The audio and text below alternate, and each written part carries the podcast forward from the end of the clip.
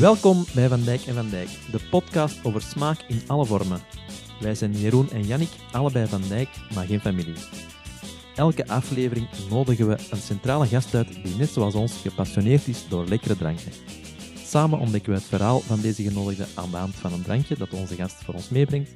En zoals het goede gastheren betaamt, trakteren we er ook eentje terug. Jeroen, even geleden hè? Maar Jannik, ik heb last van triple G. Ja. GGG, godverdomme grote goesting. Ja, dat ik ook. We hebben een eh, kleine pauze gepakt, maar nu zijn we terug voor een eh, tweede seizoen, zowaar. Ah ja, tweede seizoen. Ja, we zijn ook niet immuun geweest voor de feestdagen, uiteraard, Jannik. Dus daarom dat we, dat we even gepauzeerd zijn. Maar ja, we zijn terug, hè? De vaste luisteraars hebben het ook misschien gemerkt dat we een kleine nieuwe intro hebben. Ja, ja, ja, Eh, die, zeker. Ik ben er Zeker we niet heel veel veranderd aan onze podcast. Het belangrijkste is nog altijd dat we een gast hebben en dat we samen dingen gaan proeven. En ook dat we, dat we nog luier geworden zijn. Want we hebben onze vaste stelling die we altijd deden, die laten we vallen gewoon vanaf Ja. nu. Dat doen we ook niet meer. Ja, we dus doen nu gewoon op... bereiden we echt niks niet meer voor. Nee, we bereiden niks niet meer voor. Ja. ja. Goed, hè? Mensen die al langer luisteren naar onze podcast weten we dat we onze gast dus niet aankondigen. Nee. Maar onze gast van vandaag, ik ken den al heel lang. Ja. En eigenlijk zou ik die kunnen aankondigen. Zonder. Ik heb niks voorbereid, ik heb niks opgeschreven. Ja. Ik Misschien zou dat niet... doen. je dat doen, Jannik? Ja, maar dan moet Stijn, ik kan de naam al verklappen, Stijn achteraf corrigeren, want het kan niet helemaal juist zijn. Ah, dat vind ik goed. Dat vind ik dat is eigenlijk een soort examen voor Jannik. Oké, dus onze gast, Stijn. Hij begon zijn carrière in de muziekindustrie als tourmanager voor metalgroepen. Daar op de baan, wereldwijd, schaarde hij een liefde op voor wereldwijde keuken. Meer bepaald Mexicaanse keuken, om specifieker te zijn. Daarvan maakte hij later zijn beroep. Hij had een zaak Mexican Food. Daarna ging hij aan de slag voor een van de grootste drankenverdelers van België, waar hij een beetje in de Mexicaanse sfeer bleef, want hij had er onder andere een tequila-merk onder zijn hoede. De Mexicaanse liefde bleef, vooral voor, het, voor de Mexicaanse keuken, maar zeker en vast ook voor Mexicaanse dranken. En nu werkt Stijn als kok voor de Hertog Jan groep, meer bepaald in Bar Bulot, als ik me niet vergis, momenteel. Stijn is ook host van de beste en populairste podcast over eten, met de naam Over Eten ook. Ja. Eh, ik ben zelf ook grote fan trouwens van de podcast. Eh, wat kan ik nog allemaal? Wat weet ik nog allemaal over Stijn? Ehm Stijn, De, eh, juicy stuff. ja, Stijn is ook al vaak in Mexico geweest en heeft daar ook zijn vriendin ten huwelijk gevraagd. Ondertussen verloofde dus daardoor. Ehm, en Stijn is ook zanger van een K-pop groep. Nee, dat ik niet. dat zou wel is niet waar. zijn. nee, ik ben eh, stilaan door mijn, eh, door mijn kennis over Stijn. Maar de rode draad is dat ik Stijn al, eh, al jarenlang ken. en vaak ben tegengekomen op professionele wijze. Maar Stijn is ondertussen wel een vriend geworden ook. Dus ik ben heel, heel, heel blij met Stijn hier vandaag als gast. Oké, dus de, de vaste openingsvraag die ik altijd stel is: eh, Stijn de Schacht, wie ben jij? Nu is het vooral Stijn de Schacht, klopt het? Ja, wat heb ik allemaal Eh, verkeerd gezegd? Ik ben vooral, eh, ik, ik kreeg weer een aankrop in de keel eh, dat, dat het eh, zo dicht erop zit. Ehm, het klopt inderdaad dat ik begonnen ben in de muziekindustrie. Mhm. Tourmanager geweest voor een aantal metalbands. Mensen die niet van metal houden, dat zegt hen helemaal niets als ik dan namen eh, opnoem. Dus ik ga dat ook niet doen, maar ehm, ja, daar inderdaad eh, de liefde voor lekker eten en lekker drinken eh, over heel de wereld mogen dingen aanvaren. Eh, verschillende keren in Mexico geweest ook. Dan door die job ook in de Verenigde Staten beland. In, in de States, ja, daar heb je een grote groep Mexicaanse migranten die hun cultuur, eetcultuur, drinkcultuur, folklore, noem maar op, meebrengen. Eh, maar het ding met migrantengroepen is ook heel vaak, als je geen netwerk hebt, dan bouw je dat daar op. En dat is dan vaak eh, vrij goedkoop om te eten en te Mhm. drinken. En eh, ja, daar ging ik naartoe. Eén, omdat het lekker was. Twee, ook omdat het super goedkoop was. En dan, dan leer je eigenlijk een nieuwe wereld kennen. Want Mhm. destijds, ik spreek nu meer, meer dan tien jaar geleden, ja, wat wisten wij van de Mexicaanse keuken?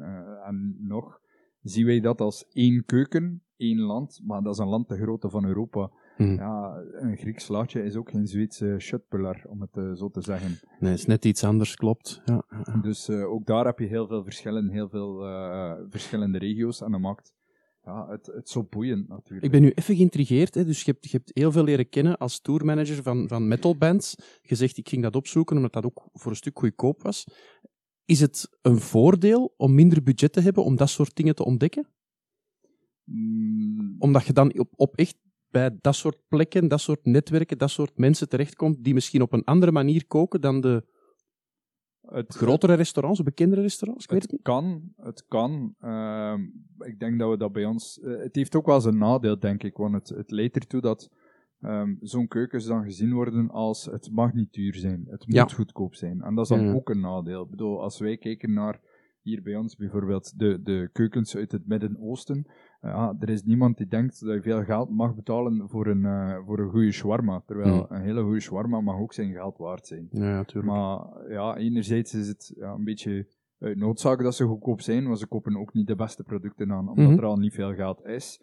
Dus dan wordt er ook niet veel geld gevraagd door margeberekeningen enzovoort. Dus in, Eh, in, in, in de beperking toont zich de meester, zeggen ze dan. Hè? Is het misschien omdat ze net met, met minder moeten werken, dat het soms interessanter wordt? Ah, ik, ben, ik, ben aan, ik ben daar nog aan het zoeken. Ja, ik vond ik het gewoon interessant dat je, dat je dat zei op die ja, manier. ik denk, voor mij is dat gewoon interessant, omdat dat was een keuken die ik ook niet kende. Ja. Eh, en ik was echt ge- getriggerd door die smaken en die geuren en die, die, die, die kleuren op het bord.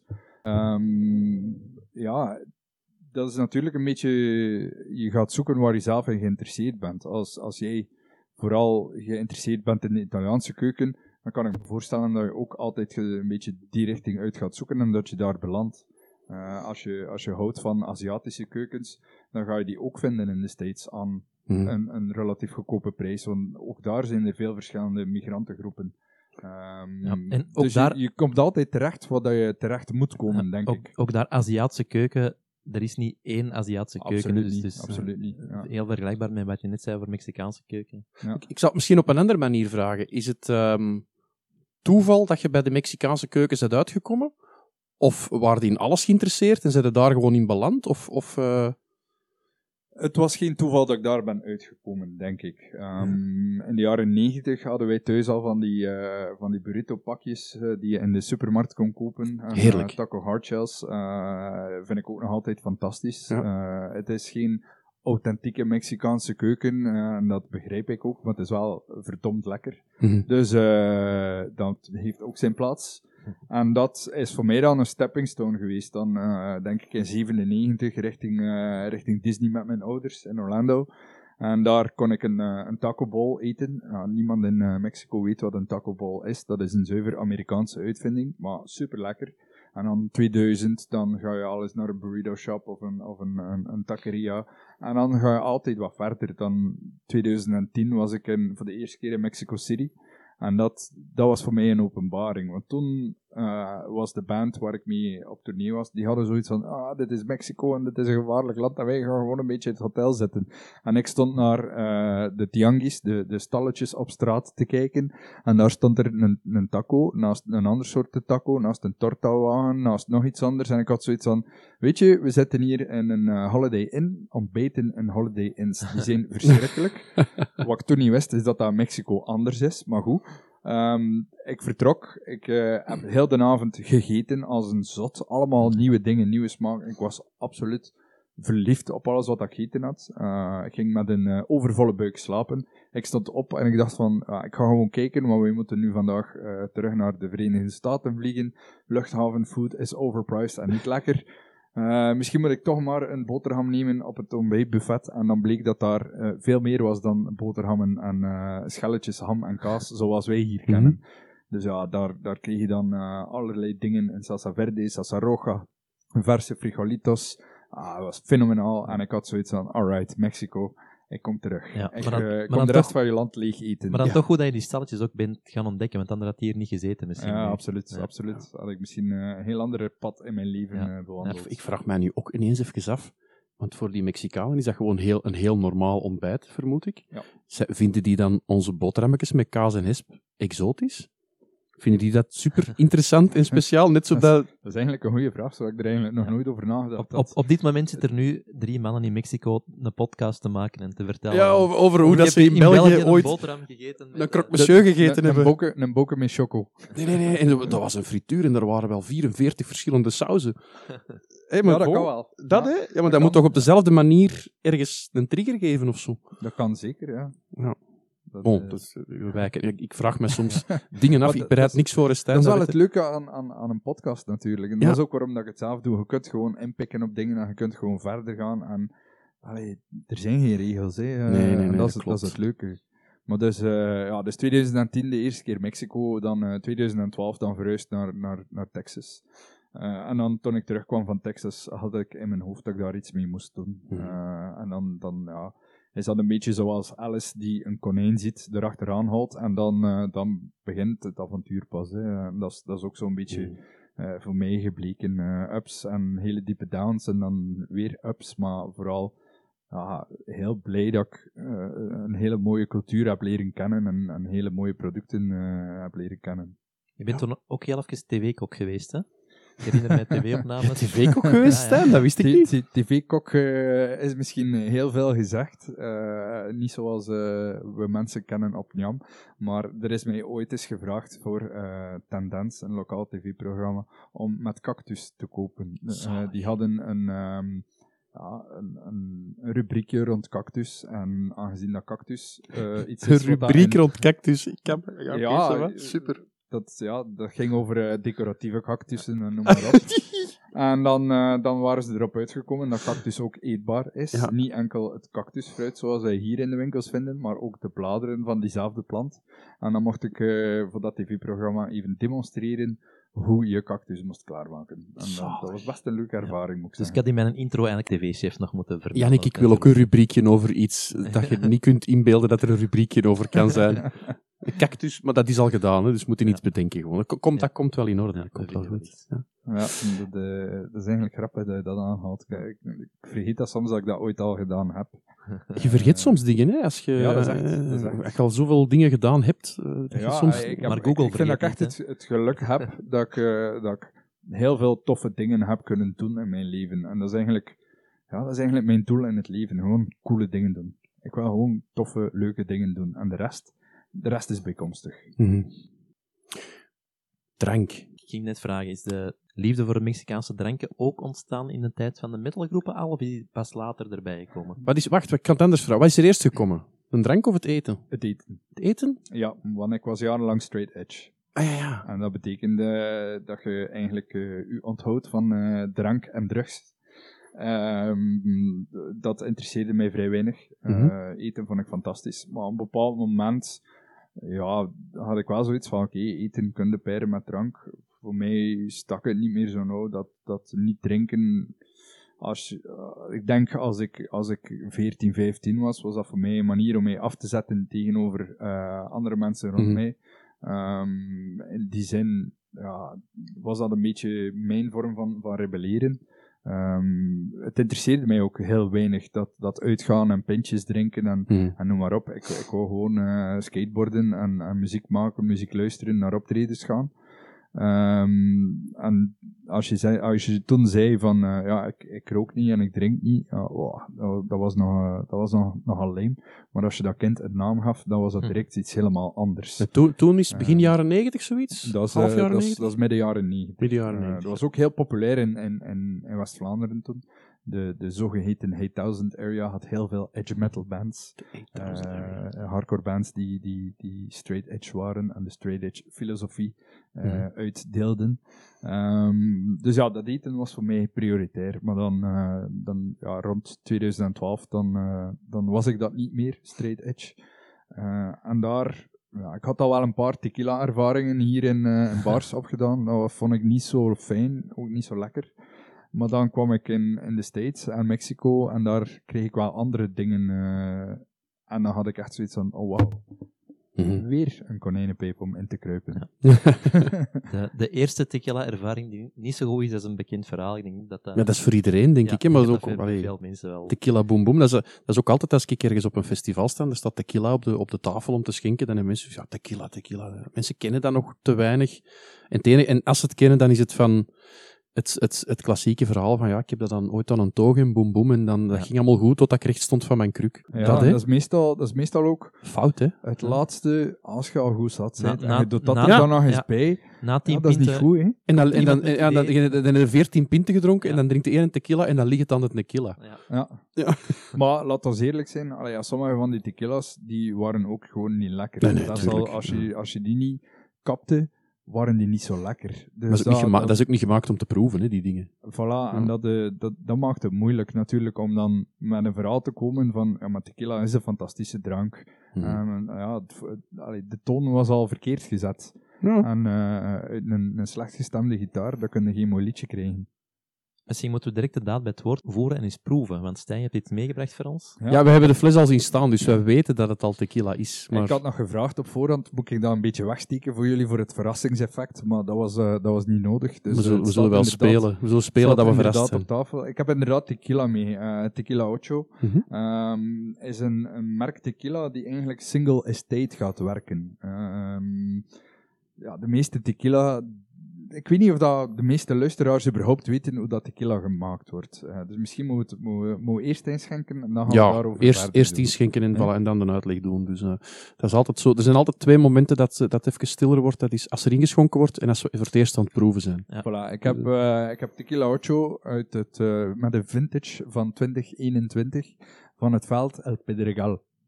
Eh, waarom dat, dat belangrijk is dat ik dat zeg, daar komen we straks even op terug. Ik ga inschenken, zodat jullie zeker even kunnen meeproeven. Va. Schenkt jij ze gewoon in die drie glaasjes in. Ik zal ik ze wel verdelen onder ons. eh Stijn, dan kun jij verder babbelen ondertussen. In welk jaar zet je geïnteresseerd beginnen raken daarin? 2012. 2012. Ja. Toen, eh, toen was ik in, eh, in Texas en mijn Ja. roommate had toen een, eh, een, een mooie fles, een, eh een Añejo fles eh, tequila bij. Ik denk uh, Herradura, als ik me niet vergis. En ik had echt zoiets van, oh wauw, dit kan ook tequila zijn. En dan, eh, dan meer Añejo's beginnen drinken en, en verder eh, de rabbit hole in. En dan moet ik wel zeggen dat ik nu eigenlijk meer blanco's drink dan Añejo's.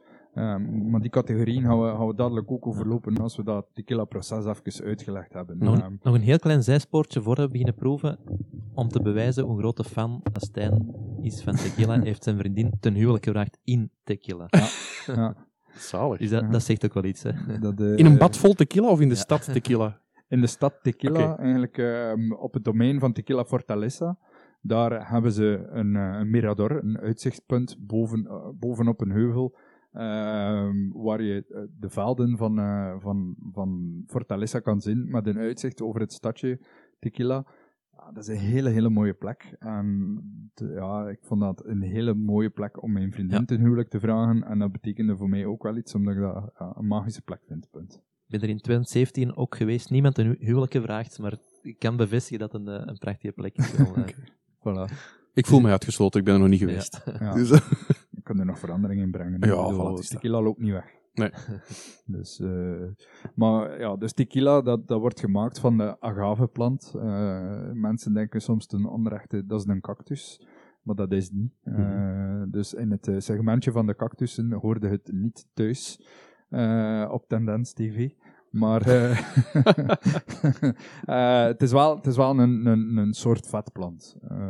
Er bestaan heel veel verschillende soorten ehm, die endemisch zijn tot Mexico. Ondertussen groeien die over heel de wereld. Zelfs hier in Vlaanderen staan er sommige agaves in mensen hun tuin.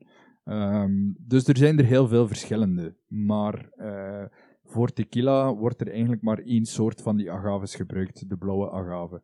En niet alleen dat, maar tequila is eigenlijk ook het eerste denominación de origen eh, die Mexico had. Dus het eerste beschermde product. En dat is beperkt tot een bepaalde regio. Eh, vijf staten mogen eh, tequila produceren. En dat moet enkel van de blauwe agave zijn. Mhm. Dat is een plant die toch een achttal jaar nodig heeft om volwassen te worden. Dus wat dat mensen soms vaak zeggen is van ja, tequila dat komt echt uit de stookketel en dan eh, is dat al zo duur. Maar als je dan vergelijkt met andere spirits die eigenlijk van eenjarigen gemaakt worden, Mhm. of dat dan nu graan of suikerriet is, dat groeit een jaar, dat wordt geoogst en dan wordt er daarmee gestookt. Maar dan moet dat nog een aantal jaar in vaten liggen. Ja, die vaten pakken ook plaats en tijd in. Ja. Net zoals dat met de agaveplant gebeurt. Die Ja. nemen plaats en tijd en zorg in. Dus daar leg je je prijs aan de basis van je product al een stuk hoger. Dus een goede tequila heeft zijn prijs, ook al is die nog niet gerijpt. Ehm, Maar die heeft eigenlijk gerijpt op het veld, hè. zo moet je het een beetje zien. En, en, Ja. en dat is ook het leuke aan deze Tequila Ocho. Ik heb, er zijn verschillende velden en je proeft ook het verschil. Die, de meeste distilleerderijen die kopen gewoon agave aan op de vrije markt. Dat komt binnen in de distilleerderij en dat doet er niet toe of dat, dat van vier of vijf verschillende velden komt. Die hebben een gewicht binnen die ze nodig hebben Mhm. om mee te gaan stoken. Terwijl het idee van Tequila Ocho is echt om die terroir te gaan tonen. Want een plant die één jaar op een bepaalde eh, locatie staat, zoals druiven, daar merk je al een, een, groot verschil in. Ehm, ik denk bijvoorbeeld aan, aan Porto. Daar heb je een, een, een Quinta, Quinta dos Malvedos. En daar Dat is op, op, ja, voilà. En op die Quinta heb je dan nog een klein stukje, de Stone Terraces. Ja. En dat is allemaal diezelfde wijngaard. En toch hebben de druiven van die twee plekken een andere smaak. En dat merkte ook in de Porto die dan gemaakt Mhm. wordt. Als je een Stone Terraces naast een, een Quinta dos Malvedos legt, ja, daar zitten smaakverschillen. Ook al zijn dat diezelfde druiven. En met, met de havens is dat ook, want die hebben acht jaar tijd om Mhm. mineralen uit de bodem op te nemen. Die hebben acht jaar tijd om die smaak te gaan vormen. Ja, dat Dat, dat, idee, dat idee van terroir in de, in de spiritswereld is, eh, is meer en meer aan het, eh, aan het komen. Hè. Dus, eh, Waterford is, is er ook heel hard op aan het inzetten. Hè. Eh, ik- onder andere, ja. Broekla heeft het lang gedaan met Mark Renier, die dan naar, eh, naar, naar Waterford vertrokken is. Hè. Die Ja. ook...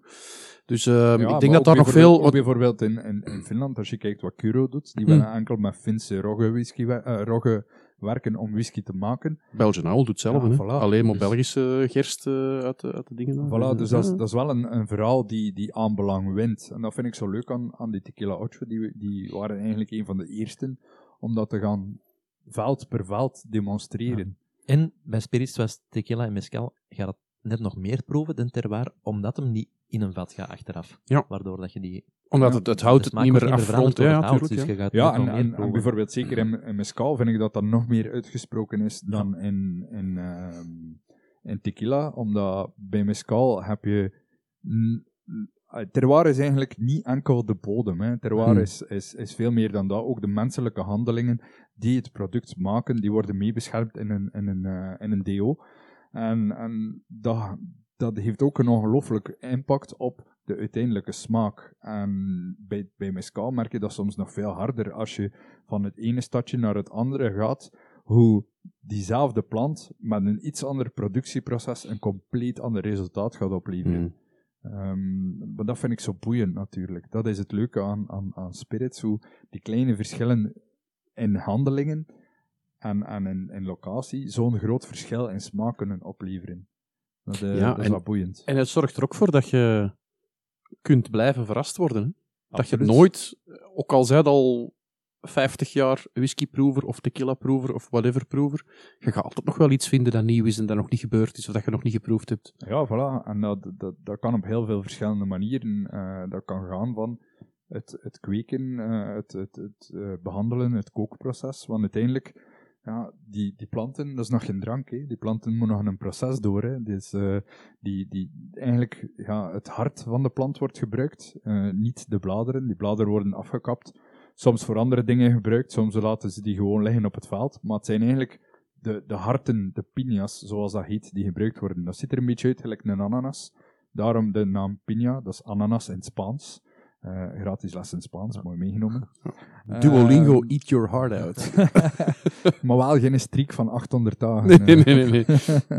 Ehm, ja, die piñas, dan zitten er nog niet. Dat, zit vol zetmeel, maar die zetmeel moet nog omgezet worden naar bruikbare suikers. En hoe doe je dat? Dat doe je door eigenlijk te gaan koken. Ehm, heel, de hele oude manier is, eh, je maakt een vuur, je legt die, die, de hart van die agave op dat vuur, je wacht tot dat een beetje gekookt is en geroosterd. Misschien eh, duurt dat even, een paar dagen, als je er heel veel hebt. En dat zorgt ervoor dat je eh, misschien ook een beetje van die rook in je, eh, in je piña trekt. Ehm, nu, in tequila vonden ze dat niet zo'n efficiënt proces. Dus die hadden zoiets van, wij gaan een stoomoven beginnen bouwen. Die stoomoven, dat is al iets efficiënter, ietsje minder van dat rookeffect. eh, maar dat is oké. Dus eh, die stoomovens zijn dan gekomen. Sommige bedrijven gebruiken die nog, andere gebruiken die niet. Tequilaucho gebruikt die wel.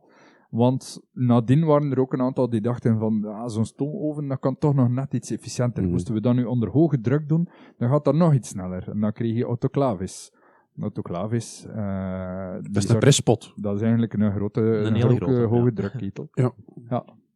Dat, eh, dat klopt. En dan, dat gaat dan iets sneller. Ja. Ehm, en dan waren er nog die zoiets hadden van, "Eh, we kunnen nog efficiënter. En die hadden gezien in de suikerbietindustrie dat er eh, een systeem bestond waarop dat je eigenlijk onder hoge druk dus de, de, de suikers van de vezels gaat afscheiden. Ehm, een diffuser heet dat. En dat is een zeer, zeer efficiënt proces. Ehm, het nadeel van hoe efficiënter de suikers van de agave gehaald worden, is dat er ook minder smaak overblijft. Mhm. Bizar genoeg, als je, als je gaat eh, blind tastings bekijken en, en doen, merk je dat mensen eigenlijk een voorkeur hebben voor dat oldschool proces. En ergens begrijp ik dat ook wel. Ehm, want de volgende stap, nadat je die dingen gekookt hebt, dan zit het er nog niet. Want dan heb je een gekookt stuk eh, agave, mierzoet, superleuk om op te sabbelen, heel vezelig wel. Eh, dus die vezels, dat moet je, dat moet je wegdoen, eh kun je niks mee doen. Maar dan heb je nog geen, geen, geen sap dat je in een Mhm. distilleerketel kan doen. Dus dat wordt dan uitgeperst. Ook daar, vroeger de molensteen, een ezel, en die mocht ronddraaien. In de mescalwereld zijn er sommige mescalmakers die eh, met eh, ja, eigenlijk letterlijk de, de, de suikers of het sap uit de agave gaan kloppen Mhm. met, eh, ja, met houten Knuppels, boomstammen en knuppels eigenlijk dat eruit gaan kloppen. En dan ja, ook weer al die efficiëntie. Ehm, als, je, als je dan een, een, een shredder hebt, zoals dat wij onze een hakselaar eigenlijk, dat levert ook wel eh, een manier op om dat heel snel te gaan doen. Eh, dat die, die vezels worden uit elkaar getrokken, dat sap zijpelt daaruit. En klaar, een beetje zoals dat je ook eh, met suikerriet hebt. Je, je- Mhm. Suikerriet wordt ook een beetje verhakseld en geperst voor, voor de rumindustrie en de suikerindustrie. Dat is net hetzelfde. Ja, Mhm. Als je dan al die, die diffuser gebruikt, ja, dan heb je eigenlijk al sap. Dus het enige wat je daar nog moet doen, is het gewoon gaan, gaan verhitten om te reduceren. Ja. En dan pas zit je eigenlijk aan een product die fermenteerbaar is. Ja. Eh, dus er kruipt wel al wat werk in. Sommigen kiezen dan om te gaan fermenteren met de vezels, anderen houden het liever eh, zo. En dan, dan, dan zijn er nog heel veel mogelijkheden. Ja. Ga je in, in, in houten, houten kuipen gaan eh, fermenteren? Ga je in stainless steel fermenteren? Gebruik je wat er in de lucht hangt? Mhm. Of eh, ga je zelf gisten toevoegen? Ja. En dat is- heeft allemaal een effect op de En smaak ook het natuurlijk. tijdsaspect speelt daar een, een, een, een rol. Hè. Je kunt het, het fermentatieproces versnellen. Absoluut. Dat gaat meestal niet Ja. ten goede van het product komen, maar dat is ook weer een kwestie van efficiëntie. En dat, dan komen we terecht bij die minder lekkere tequila's. Ja, Of maar zo- zo- kan zoals- de vieze tequila's. Dat is in elke stap van het proces zo efficiënt mogelijk, zo snel mogelijk, massaproductie. Het is altijd een kwestie van keuzes maken. Hè. Hoe, hoe meer dat je daarover weet, over dat soort processen, net zoals het whisky-maakproces en het eh, weet ik veel wat. Het zijn, al, het zijn eigenlijk honderd verschillende stapjes, waar dat je elke keer een keuze kunt maken. En elk van die keuzes heeft een invloed op het eindproduct. En dat is wat mensen vergeten, Absoluut. denk ik. De- ze, ze zien alleen maar, ja dat, ah ja, ah ja, dat is gemaakt van graan. En dat zit in de fles. En dat is bruinig van kleur, bij wijze van spreken, of weet ik veel wat. En, en maar ze, vanaf dat je begint te beseffen van hoe complex dat, dat in elkaar zit, dat die, dat maakproces is. En ook, zeker als je elke keer hetzelfde wilt beginnen maken, hoe moeilijker dat het dan nog wordt om elke keer dezelfde keuzes te maken op dezelfde manier, dan wordt het boeiend, vind ik dan. Zeker. Eh, en, en hoe dat je het nu vertelt, hè, je, hebt, je hebt het heel kort uitgelegd, maar het, is, eh, Ja, het maar toont weer al aan hoe, hoe complex dat in elkaar zit. Hè. ja, en dan zijn we er We nog zijn er nog niet. Ja, Nee, nee, nee, we zijn- we zijn nog maar in het dan begin. We, we hebben nog niks dan gedaan. nog beginnen We fermenteren. hebben eigenlijk suikerwater gemaakt nu. Eigenlijk wel, ja. Ja. Suikerwater met, een met Ja. een agave smaak. Ja. Ehm, trouwens, eh, de, de, de agavesiroop dat je in de, in de winkel vindt, dat wordt meestal gemaakt met eh, het proces van de diffuser om dat dan in te koken. En dat, dan krijg je die dikke stroop. Eh, en dat is eigenlijk eh, een, een zeer efficiënte manier om dat te doen. Is dat volgens mij interessant om dat te doen? Eh, nee, want je had er tequila of mezcal van kunnen maken. Mhm. Maar ik, ik vraag me wel af, allee, in zekere zin wordt er altijd gepraat van, van agavesiroop is, is een gezond alternatief voor suiker. Ja, je hebt geen geraffineerde suiker, Hmm. eh, maar je zit nog altijd met een proces die misschien een aantal van de goede eigenschappen eh, teniet doet. Ja. Ehm, maar goed, zo, het, een gezond alternatief voor suiker. Ja, het, het, allee, dat wil niet zeggen dat het ook echt gezond is, natuurlijk. Eh, Ja, is het is, dat het is te zien. Hè. Ik bedoel, allee, ik snap wel ergens dat als je zegt van hè, geraffineerde suiker, Mhm. ja, dat is gewoon allee, dat is suiker en er zit niks andere, anders meer bij. Eh, terwijl ongeraffineerde suikers, daar hebben nog een aantal eh, vitaminen, mineralen misschien die daarin zitten, maar ook heel wat meer smaak. Eh, Hmm. allee, er is een groot verschil tussen een rietsuiker van één kant van de wereld en rietsuiker van de andere kant. Maar ook daar vraag ik mij af, merken wij dat echt? Want dat wordt gewoon zo groot aangekocht, gemengd en verkocht. Mhm. Dat, dat, suiker is een commodity geworden. Ja, ik denk het ook. dat is net zoals de, de, de meeste honing in de supermarkt. Ah, dat is gewoon een mengeling van honingen van eh, verschillende locaties. En eh dat moet aan die prijs verkocht worden om die winstmarge te halen. Ah, Nou, als je, als je dat dan gaat vergelijken met een honing dat je bij een imker achter de hoek gaat kopen, bij wijze van spreken, dat is dag en nacht. Hè. Ik kan letterlijk een imker achter ook. hè. Ja, ja. Eh, Maarten Dirk. De Maarten, hè, ik weet het, ja. Dus, Shout-out voor Maarten. Ja, en, en zijn papa, die, En zijn die ook bij mij op de podcast te gast was trouwens. Ja. Eh, maar ja, dat, dus ja, je zit dan met je, met je suikerwater, die begint eh, te gisten. En afhankelijk van, van waar dat je dat doet en hoe dat je dat doet, welk water dat je gebruikt ook. Want ah, het, is, het is één ding om dat suikerwater te hebben, eh, die, die uit de agaves komt. Soms is te veel suiker ook niet goed voor je gist. En moet je gaan aanlengen met water. Kies je dan voor bronwater? Kies je dan voor, voor oppervlaktewater of noem maar op, regenwater? Maakt ook nog eens een verschil in je smaak. En dan zitten we misschien aan het punt, als, dat, als de beestjes eh, gedaan hebben met de suiker om te zetten naar eh, CO2 en eh, alcohol, dan kan er gedistilleerd worden. Ja. Dus de eerste keer, dan heb je ordinario. En na een tweede keer heb je eigenlijk pas echt tequila. En dat kan dan ook weer op verschillende manieren. Column stil. Altijd dubbel koperen. distillaat. Eh, dan, dan kun je kijken, hè, eh, potstil, columnstil. Eh gebruik je koper, gebruik je stainless steel. Hmm. En ook daar weer, die keuze heeft een ongelooflijk impact op je smaak. Maar niet alleen dat, dan ga je ook gaan kijken van aan welke temperaturen je gaat produceren. Het ding met tequila is dat niet elk merk tequila wordt in zijn eigen eh distilleerderij gemaakt. Er zijn heel veel distilleerderijen die heel veel verschillende merken tequila op de markt brengen. Eh contractdistilling heet dat dan. Mhm. En eh, sommige van die merken zijn in eigen beheer. Eh, bijvoorbeeld in, in La Alteña, daar heb je eh, Tapatio die gemaakt wordt. Tequila Ocho werd daar gemaakt. Dan werd daar ook El Tesoro gemaakt. En nog een paar andere merken. Ja, dat zijn allemaal verschillende merken. Die moeten ook een eigen identiteit hebben. En dan merk je als ze iets hoger gaan in temperatuur gaan distilleren, of iets lager, dat je ook anders uitkomt. Tequila Ocho bijvoorbeeld, die, die, die wordt in eerste keer gedistilleerd in stainless steel, en dan de tweede keer pas in, eh, in, in koperen eh, potstils. En dat maakt een, een verschil op, dat geeft een enorm verschil op het eindresultaat. Mhm. De, de, het is ook een keuze die ze gemaakt hebben voor- bij Tequila Ocho om dat zo te doen, omdat ze zo meer essentie van de agave overhouden op het eindresultaat. En Is, is dit een, eh, een, een oud merk met lange traditie, of is dit iets redelijk recents begonnen, Ocho? het, de distilleerderij en de familie die het maakt, eh, Carlos Camarena, dat is eigenlijk een distilleerderij die ondertussen een bijna 85 jaar bestaat. Eh, dat was eigenlijk een agaveboer Mhm. die agaves kweekte. En het probleem van planten die zeven jaar nodig hebben om te groeien, is dat je dat heel moeilijk kan inplannen. Als je dit jaar eh, graan zaait en je hebt er te weinig, en je weet dat er volgend jaar een grote vraag is, dan zaai je meer. Mhm. En dan heb je volgend jaar, als alles goed gaat, want we zijn nog altijd afhankelijk van de natuur, dan heb je volgend jaar een grotere opbrengst. Zit je met een groot overschot, dan denk je van, oké, misschien moet ik volgend jaar iets anders beginnen planten, om dat te veel een beetje te gaan opvangen.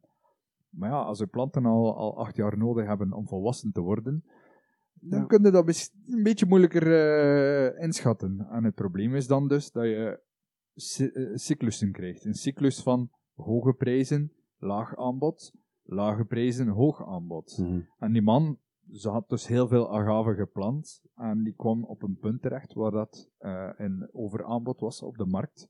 Lage prijzen voor de agaves. En die had zoiets van, ja maar ja, ik kreeg dat niet kwijt aan de straatstenen. Misschien moet ik gewoon zelf tequila beginnen maken. Dan heb ik er zelf nog iets aan. Ja. En dat is het eh, begin geweest van La Alteña. Eh, zoveel jaren later, drie generaties later, dan wordt nog altijd dingen gemaakt. Ehm, Carlos, de, de, de master distiller, die was bevriend met, eh, met, eh, met, met Thomas. En Thomas die had zoiets van, wij moeten samen iets doen. Misschien moeten we op een of andere manier de essentie van tequila tonen en de terroir van tequila tonen. En zo is een goede 15 jaar geleden Tequila Ocho ontstaan. Als merk dan. La Alteña als merk. Echt met deze filosofie om, eh, om, om dit echt te gaan tonen van oké, als je van veld tot veld apart gaat distilleren, ga je echt die verschillen gaan proeven. Mhm. En daarom heb ik eigenlijk twee verschillende mee. Heb ik eh, El Pedregal 2021 mee en heb ik ook El Nacimiento 2022 mee. Ehm, niet alleen dat, er is ook twee verschillende distilleerderijen. Want in 2022 is eh, Tequila Ocho verhuisd naar een eigen distilleerderij. Ehm, dus La Alteña, de productie in La Alteña, wordt ontlast. Eh, en nu wordt Tequila Ocho op een andere plek eh, gemaakt. Dus daar zit ook nog eens een klein verschil in. Want het water die ze daar gebruiken is ook al ander anders, water. ja. En maakt ook weer een verschil. En dat, dat vind ik zo boeiend. Zeker met Tequila Ocho ondertussen in mijn verzameling thuis. De meeste flessen tequila die ik staan heb, zijn allemaal Ocho. Omdat er zoveel verschil is binnen dat ene merk. En dat vind ik zo boeiend. Ben je een fanboy? Een beetje. Ja. Een beetje. Mag, ik, ik, ik was in, eh, in de distilleerderij op bezoek eh, een paar jaar terug. Datzelfde, eh, de dag voor ik mijn vriendin ten huwelijk vroeg. Eh, Ja.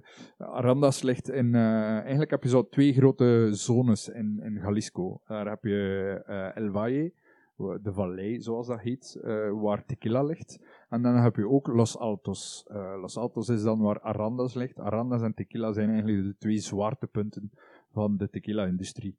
Ehm, La Alteña ligt in, in eh, Arandas en daar was ik op bezoek. En eh, op een bepaald moment zei mijn vriendin tegen mij van... Gast, we zitten nu al zeven uur te nerden over fucking agave. ik ben er klaar mee. Dat bezoek was leuk, maar nu heb ik het echt gehad. Gaan wij alsjeblieft door en iets anders gaan doen? En dan wist ik dat tijd was om af te ronden. Ja, ja, ja. ja. Dat is kei herkenbaar. De, de Thomas waar je net over sprak, Thomas Estes, een Yes. legendarisch figuur ook in de tequila-wereld. Helaas Niet enkel wel. in de tequila-wereld trouwens, ook Ja. eh, op vlak van, van, van de Mexicaanse voeding eh, en, en Ja. eten, was die een van de eerste om Mexicaans, zoals het is, aan te bieden in Europa. Ja. Eh, in de jaren wordt 70 is Vaak genoemd als de man die tequila op de, wereldwijd op de kaart gezet heeft. Ja, En, eh, zeker, zeker, zeker, zeker. Dus, eh, Helaas is- wel overleden vorig jaar. Hè. Ja, Of twee jaar geleden Ja, twee jaar ja. Eh, jammer genoeg overleden. Maar eh, zijn, zijn legacy blijft wel duren. Die, die is begonnen met Café Pacifico in Amsterdam eind jaren 70. En eh, ja, alle sterren stonden daar aan de deur en waren kind aan huis. Eh, is uitgebreid naar een aantal andere zaken in verschillende steden. En nu heb je, nu heb je enkel nog Café Pacifico over in, in Londen, Covent Garden. Ja, en als je daar binnenkomt, merk je de liefde voor tequila, merk je de liefde voor eh, Mexicaanse spirits. En eh, dat heeft een geschiedenis ondertussen. Hè. Dat is echt een, een, een topplek om, eh, om, om, om te hangen. Nice. Het is trouwens heel lekker. Ja, ik ging net zeggen, net vragen aan jou, Jeroen, wat jij ervan vond. Ja, ik vind het heerlijk. fantastisch lekker. Ik kan het iedereen aanraden dat slechte ervaring heeft met tequila. Probeer dit eens. Ja, het is gewoon super, super zuiver en super puur. Hè. Het is, Ja. het is, eh, wat, ik, wat ik eigenlijk net te gek vind aan, aan, aan dit merk, is dat dat super betaalbaar is. ja. Dat zo, zit rond de, rond de 30 euro, 35 euro voor een flesje. Ah, dat, is, dat is super betaalbaar. Hè. Ja. Eh, allee, Ja, ja. Voor, voor dit soort kwaliteit, absoluut. Hè. Voor dit soort producten allee, zitten... Want ik vermoed dat dit ook super gelimiteerd is. Dat valt eigenlijk mee, want die productie wordt wel eh, ongelooflijk geschaald. Het is een van de, van de best verkopende merken eh, ter wereld van tequila. Eh, je hebt zo elk jaar een, een, een report van hoe, hoe, het, hoe het gesteld staat met de, de drankenwereld. Ja. En daar merk je dat Tequila Ocho eigenlijk als onafhankelijk merk wereldwijd het zeer goed blijft tegenover Hmm. een aantal van die andere grote kleppers. De, we zeggen, de echt commerciële grote merken. Absoluut. Ja. Die, die, allee, ja, die, die, die, die grote commerciële merken die worden gedreven door een, een, een, eh, ja, van, die, van die multinationals, eh, concerns zoals Diageo, Pernod Ricard, noem maar op. Ja, Ocho heeft dat niet. En dat is, dat is wel straf eigenlijk, dat die Mhm. dan consistent hoog in die lijst blijven staan.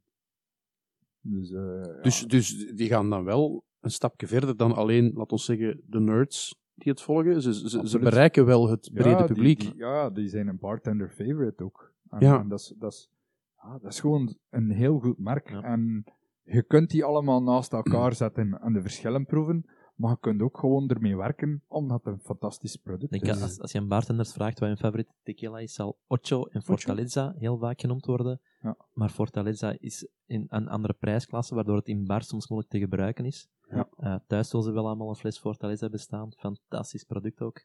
Ja. Maar in, in bars moeilijker te gebruiken vanwege het hogere prijskaartje van de fles. Ik weet niet of dat de luisteraars het merken, maar ik ben in dit gezelschap een klein beetje de tequila en mezcal eh, virgin. Ik weet er een klein beetje van, maar deze twee heren weten daar Ja, heel ik veel van. ook zijn hele eh, grote fans, dus ik leer heel veel Ik, bij eh, vandaag. moet, Ja. moet ook bekennen, ik ben ook een agave-nerd. Ja. Ik, eh, allee, ik denk dat ik dat hier ook wel mag zeggen. Ik was een van de, van de eerste lichtingen in België om, eh, om ook een uh, distinctivité te, te verdienen. Een distinctivité. Dus tequila wordt eigenlijk goed gereguleerd. Ehm, tequila is net zoals champagne gecontroleerd. De, de CRT, de Consejo Regulador del Tequila, die weet hoeveel agaves er op de velden staan. Eh, je moet ook uw veld, als jij agaves kweekt voor tequila, dan moet je dat ook aangeven aan de CRT. Van oké, ik maak, eh, ik heb hier een veld staan, ik ga nu zoveel planten zetten om binnen zoveel jaar te verkopen aan bedrijven, ah, ofwel op de vrije markt, ofwel op de Mhm. rechtstreeks een contract met een distilleerderij,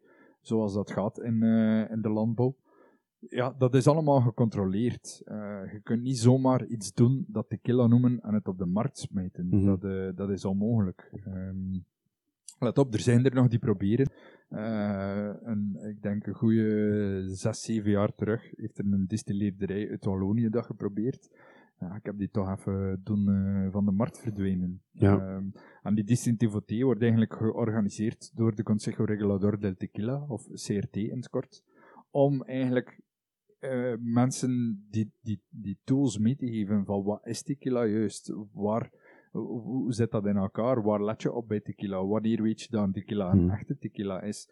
En zo krijg je ja, die kennis mee. Dan moet je ook een examen doen, een examen afleggen. En als je, als je niet, niet goed genoeg scoort, dan, eh, dan krijg je die Een beetje de, de weeset van de tequila-wereld. Ja, een beetje wel. Ja. Zoiets, hè? Ja. Ja. Maar dan, allee, WSET is een aparte organisatie. Ja. Terwijl, ja, Distinctivité is echt een, een, een Is overheids- gestuurd door... eh, Oh ja, ja oké. eh, ik, een ja. overheidsorganisatie waar alle belanghebbenden ook in eh, aanwezig zijn. Oké. Heb dus, jij dat, eh, Jannik? Nee. nee? Jij wilt dat wel, hè? Eh, ik heb, toen, toen Stijn het gedaan had, eh, wou ik ook deelnemen, maar ik kreeg het er niet, qua planning niet ingepland. En Ja. sindsdien heeft het niet vaak niet meer plaatsgevonden in België. Maar Hmm, ik had misschien ooit wel eens het examen, maar was, toen Stijn het gedaan had, eh, Het is, het is, ging ik het ook doen. het is vooral een heel leuk eh, iets aan mijn muur. Ja, dat is ja, uiteraard. Ja, dat zijn wel plezante eh, dingen, om, hè? om Ja. heel eerlijk te zijn, Nee, je, echt- je bent er niet heel veel mee. Dat is, dat Nee, nee, nee, maar- ja, maar bon. Het is ja, wel leuk het, om... het geeft wel een stukje credibiliteit aan, aan, aan wat dat je doet, natuurlijk. Ehm, maar ja, het is niet dat ik, eh, dat ik er, er, er zwaar eh, Hmm. geld mee verdien, Ja. want ik werk als kok. En, en er hangt ook een prijskaart aan vast. hè. Het is niet dat je het zomaar gratis kan doen. Nee, nee. Maar Net zoals bij trouwens. WZ eh, is ook, WZ is ook duur, hè, Ja, om die voilà. cursus te volgen. Dus, dus. Maar dat is ergens ook logisch, want mensen die dat geven moeten ook betaald worden. Er wordt daar heel ja. veel geproefd. Dat kost ook een, eh, een aardige duit om eh, vele flessen open te staan hebben. En dat is, eh, dat, is, dat is een opleiding van drie dagen. Dus eh, ja. Het is op zich wel heel slim gezien dat het georganiseerd wordt, want je creëert wel ambassadeurs voor Ja, het product. En het feit dat het een, dat het een laten laten we zeggen, een officiële instantie is die het Ja. doet, geeft het ook wel meer geloofwaardigheid. Want je kunt, allee, dat, dat weten jullie ook, er zijn tientallen van die organisaties in de whiskywereld die dat aanbieden, maar die, die, dat zijn gewoon privépersonen die dat organiseren. hè, die soort whiskycursussen en dan krijg je een diploma en ja, bon, het zal wel, hè. Ja, ik heb Maar, mijn eh, diploma mogen ontvangen uit de handen van de Mexicaanse ambassadeur in België. Ah. Eh, Eloy Cantu was dat destijds.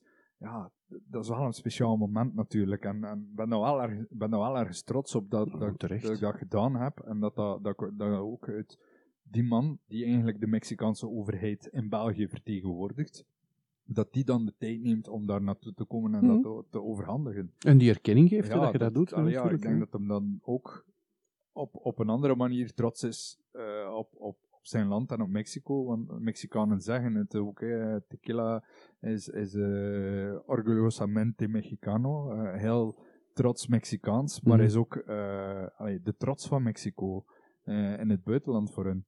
Dat is echt... allee, ja, dat, ja, ik vind het grappig. Je hebt dan andere mensen die zeggen tequila is het hart van Mexico, maar mezcal is de ziel. En ik vind dat wel mooi. Ja. Ik ben me nu aan het afvragen. Is dat, is dat zo het eerste dat je aan denkt als je zegt Mexico? Tequila, is dat dan zo het eerste product? Misschien taco's nog eerder, sommige mensen. Ja, ik moest ineens eh, sombrero's denken, maar ja. het is natuurlijk super cliché, maar bon.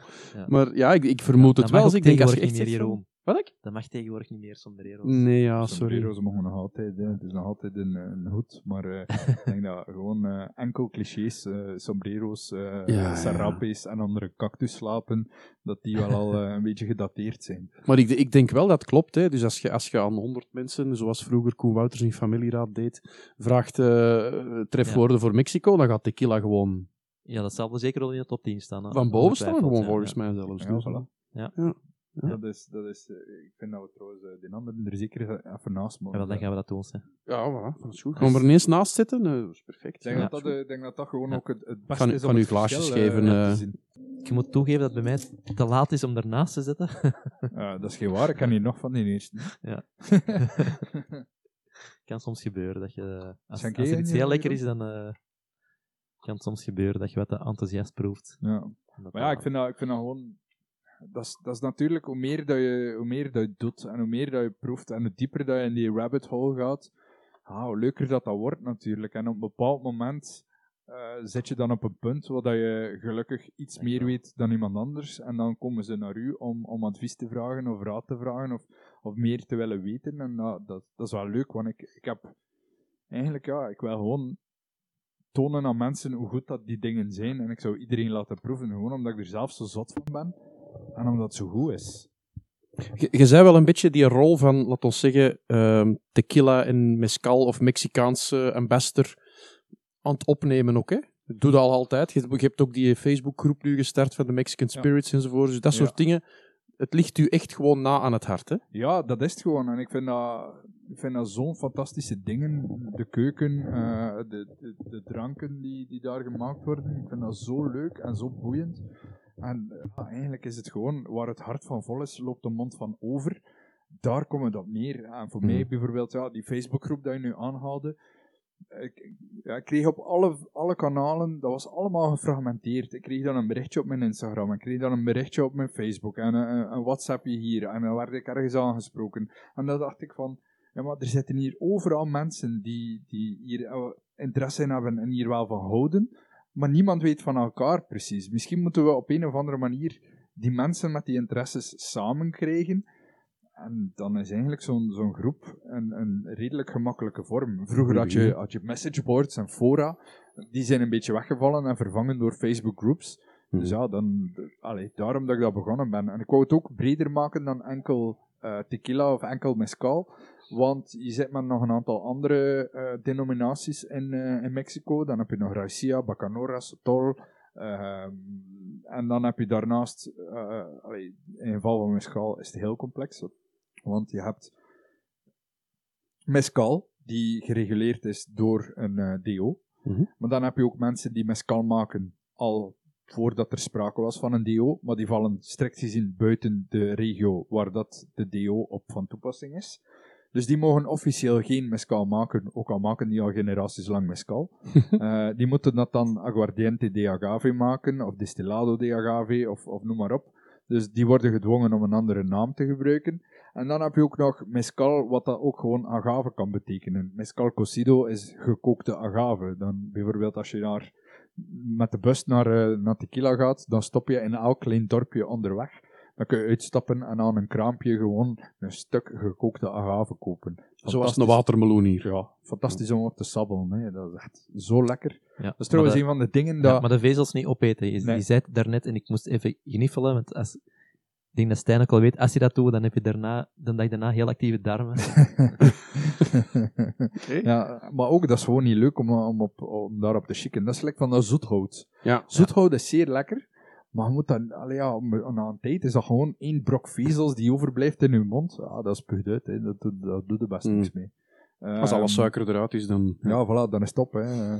Maar eh, ja, dus dat, dat maakt het soms wel moeilijk eh, van, van, van mescal om uit te leggen wat dat mescal eh, juist is. Eh, maar dat maakt het ook wel heel boeiend. Ehm, maar dus ja, je zit al met Racia Sotol eh Bacanora, die in verschillende regio's gemaakt wordt. Dan heb je mescal, destillados de agave. Dan heb je destillados de pulque. Dan heb je posh uit eh, Chiapas. Dan heb je rums die over heel Mexico gemaakt worden. Ja, dat zijn allemaal boeiende dingen. Ah, en het ligt zo vaak zo nauw aan elkaar verwant. Wa- waarom kunnen we het dan niet ietsje breder trekken Mhm. en mensen samenbrengen die geïnteresseerd zijn in al die producten? We gaan, Hoe, binnen- hoe, hoe- eh, sorry, zeg we maar. gaan binnenkort ook een, eh, een, een tasting sessie organiseren. Hè? Ja, we gaan iets doen, hè. Sowieso. eh, dat, dat is eigenlijk een beetje de aanleiding dat we hier ook samen zitten. Naast de podcast gaan we zometeen ook even vergaderen wat dat we juist gaan doen en wanneer dat we dat gaan doen. Ja. Het moet nog vorm krijgen, maar we gaan... eh Ja. Er is, ook ooit, er is ook ooit een, een, een Mexicaans Spirits Festival geweest, hè? Klopt. Ja. Ja. Dat was Eh, in Antwerpen of Brussel? Gent. er was, Gent? En in Antwerpen is er er ook was een eerst geweest. een hè. in Antwerpen, die Ja? destijds georganiseerd geweest is door eh, Lester eh, van World's End Rum. Mhm. Eh, dat was geen eh, groot succes. Eh, ik weet het niet, dat was 2016, want ik was er niet bij. Ik zat in, eh, in New York. Mhm. Ehm, wat ik ook heel veel tequila mescal gedronken heb toen destijds. Eh, Dus in, in, in spirit was je erbij. ja, absoluut. absoluut. Eh, ik heb daar ook eh, zeer lekker Mexicaans gegeten. New York City was een van de eerste plekken ter wereld waar een Mexicaans restaurant een Michelinster had. Casa Enrique, daar ben ik ook gaan eten. En dan heb ik Enrique Olvera ontmoet in, in zijn restaurant Cosme. Dus dat was voor mij wel een hele leuke trip. Ehm, dan het jaar daarna, eh, de twee jaren daarna denk ik, was er in Gent ook eh Tequila Fest. En dan, dan is het even rustig geweest op vlak van deze Ja. spirits. Maar je zag wel op andere spiritsbeurzen, en dan denk ik aan bijvoorbeeld Spirits in the Sky of, of ehm, zelfs Salon du Rum, Mhm. dat je toch af en toe flessen tequila mescal zag bovenkomen. En die zijn ja. ondertussen op de meeste van die festivals ook een vaste waarde gebleven. Maar ik, ik, denk, ik denk dat de, de, de wereld eigenlijk op heel korte tijd, en dan bedoel ik de spiritswereld, heel erg veranderd is. Dat er veel meer ruimte gekomen is voor al die andere spirits buiten, laten we zeggen, whisky en rum die er waren. Dat er veel meer interesse en ruimte voor gekomen is. Ja, en ik denk dat dat ook is omdat mensen op zoek gaan naar leuke verhalen. En als ze die verhalen horen, dat ze merken dat die spirits ook kwaliteit, kwalitatief zijn.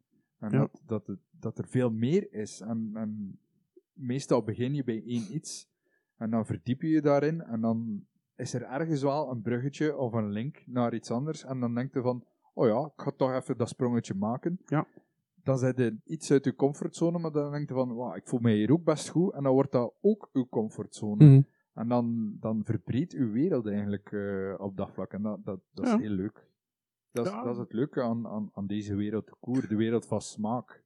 Maar ik, ik, denk, ik denk ook vooral dat er, dat er veel meer openheid is vanuit, laten we zeggen, als je alle, alle mensen die wel eens een sterke drank drinken in België bij elkaar zet, en je vergelijkt die groep tien jaar geleden of nu, dat er, de groep, dat er binnen die groep veel meer mensen al eens een kans gaan geven, zelfs al aan een mescal, of een tequila, of een cognac, of een armagnac, of een... Het begint, begint nu te komen, maar ik Wat heb- dat, wat dat tien jaar geleden totaal niet het geval was. Hè? Dat ja, was maar zelfs, whisky, zelfs en whisky er niks in. 2019 nog niet. Want ik heb in 2019 de stand van Fortaleza op Spirits in the Sky bemand. En toen zag ik heel veel mensen, oeh, tequila. Nee, Ja. oei, daar gaan we afblijven. Ja, ja. En nu staan ze er wel veel meer voor op. Dus dat is op relatief korte Ik denk dat we termijn. eigenlijk heel veel credit moeten geven naar cocktailbars. ja, denk op ook. dat vlak.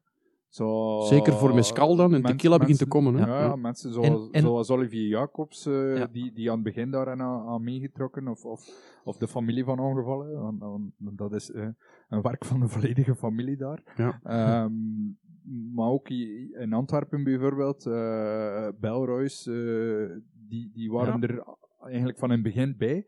En dan, dan gaan mensen daar naartoe en, en dan merken ze dat er daar hele mooie flessen staan. Kun je zo drams drinken, zoals ze gewoon waren, uit een whiskybar, eh, een klassieke whiskybar. Maar dan is de stap naar een, een, een highball en een andere cocktail sneller gemaakt. En dan zo, ja, dit zijn zo de smaken die ik wel leuk vind. En dan Ik, zegt ik de heb bartender graag van, gerookt. Ja. ja, oké, mag, ik jou, eh, mag ik jou iets maken? Ja. En dan, als mensen daar in zo'n setting daar al voor openstaan om iets nieuws te proberen, dan is de stap van dram naar cocktail naar een ander soort spirit heel makkelijk gezet. Ja. Ik denk dat zelfs de stap van iemand die spirits houdt en dan andere spirits gaat proberen, eigenlijk veel kleiner is dan iemand die nog nooit spirits gedronken heeft, om die verschillende dingen te Zeker. laten doen. Want die heeft dan direct zoiets van, oh, dat is straf. Ja, ja. ik, ja. ik ben helemaal akkoord met jouw stelling dat, dat cocktailbars er een heel grote invloed, maar ik denk dat we nog een stap terug kunnen gaan en een persoon ook kunnen benoemen. Kobe de Smet, die veel van de bartenders hebben de producten beter leren kennen door Kobe. Ook. Ja, Ja. ja. het, is, het is altijd een combinatie van factoren. Hè. Ik bedoel, als bartenders ook geen beschikbaarheid hebben tot bepaalde producten, dan gaan ze die ook niet gebruiken. Dan, dan kunnen ze wel even zoeken en dan kunnen ze nog een keer, een tweede keer proberen te zoeken, maar eh, aan het einde van de dag ehm, moet ook beschikbaar zijn. En Hmm. in die zin heeft Kobe inderdaad eh, heel veel eh, grondwerk verricht. Enerzijds omdat hij in het bedrijf waar dat hij werkte de kans had om daarin door te groeien en daarover te leren. Hij was er zelf al in geïnteresseerd. Maar twee, het bedrijf waar hij voor werkte had ook die producten ter beschikking. Wat dan natuurlijk het, het makkelijker maakte voor al de rest Ja. om, om dan meer te gaan leren en meer te weten. Dat had Eh, zo'n beetje die, die perfect storm nodig. Hè? Dat, ja, dat, is gewoon geloopt, dat, is een sneeuwbaleffect, Ja. noem ik altijd. Allee, een lawine begint ook met een sneeuwvlokje die verkeerd valt. Eh, en meestal zelfs niet met één sneeuwvlokje, maar een paar sneeuwvlokjes die Hmm. verkeerd vallen, die het gewicht beginnen te zetten. En dan gaat de boel aan het rollen. Dus de, en de nu nieuwe bijnaam van Kobe, het sneeuwvlokje. Vanaf nu wel, denk ik. Maar eh, allee, ja, ik ben daar wel heilig van overtuigd. Wat nu merkte, inderdaad, eh, eh, grappig genoeg, was eh, de brand ambassador van, eh, van Don Fulano, een ander tequila-merk, eh, in, in, een, in een bar in Mexico met Kobe. En Kobe zat daar met zijn familie. En heel toevallig filmde, filmde Andres eh, Kobe. En het eerste wat ik hoorde was Steen de Schacht. Eh, Timon, Maarten eh, Ja. en, Teddy. Allemaal mensen die eigenlijk ja, een gedeelde passie hebben voor, eh, allee, voor, voor agavenspirits en die niet liever doen dan de, dan de passie daarvoor delen. Mhm. Maar het is wel verdomd raar om je naam te horen zeggen op een Mexicaanse Een filmpje Instagram-story, Mexico, ja, het zal zijn. Dat, eh, ik kan echt zoiets van, hè, wat? Maar ik was ook half aandachtig eh, door mijn, door mijn Instagram aan het scrollen. En eh ja, Andres zijn stories bekijk ik wel eens graag. En dan hoor ik mijn naam en ik zo, what the fuck? Eh, even terug. En dan, zag ik, dan, dan pas zag ik Kobe dat hij tegen zijn, zijn zus bezig was. Dus dat was wel grappig. Maar ik, ik zal u zeggen, voor mij is het een beetje de, de, de grootste openbaring op het vlak van dan de Mexicaanse spirits en dan mescal in dit geval, was eh, toen ik eh 2021 die online tasting gedaan heb met Timon, die we georganiseerd hebben, deels uit eigen interesse, van ja, ik wil er iets over bijleren, dus laat ik een tasting organiseren, dan kan ik dat. En ja, daar deden wel 74 mensen aan mee, Ja. online. was trouwens een hele leuke tasting. Kun je nog online bekijken. Ik kun je nog altijd online bekijken op het YouTube-kanaal van Mug. Eh, maar maar ehm, dat is tot op heden ook nog van alle... Ik heb al heel veel online tastings gedaan. Een van de meest succesvolle, met de meeste deelnemers. En ook een van degenen waar het meeste over gewabbeld werd achteraf nog. Ah. Dus er is wel, er is wel een, een soort van... Ik denk wel deels om, omdat het nog een redelijk onbekend Ja. product is voor veel mensen. En ik denk ook wel omdat, omdat Timon dat leidde. Want Timon eh, had ook al Ja. een bepaalde credibiliteit eh, bij Absoluut, whisky-mensen, om het zo te zeggen, Onder door andere, zijn, ja. door zijn werk. Hè. Dus, eh, dat Maar, maar ook, ook bij, bij biermensen bijvoorbeeld. Want ik heb ook een hoop biermensen die eraan hebben meegedaan, brouwers en zo, die ook zeiden van, ik kende dat niet en ik ben wel verkocht nu. Ja. Dus, Ja. en het is zo, denk ik, ja, zieltje per zieltje. Hè? Ja, dat is. eh, allee, ik had zelf een podcast gedaan met Bart Bruneel eh, Ja. van Asta Morris. eh, de meeste spirits-liefhebbers in België niet onbekend. En die zei ook van ja, ai, ik was gewoon een nerd en ik deed niet liever dan praten daarover. En in zekere zin dacht ik van ja, fuck, ik, ben, ik doe net hetzelfde. Ja, klopt. Ik, ik doe niet liever dan praten erover.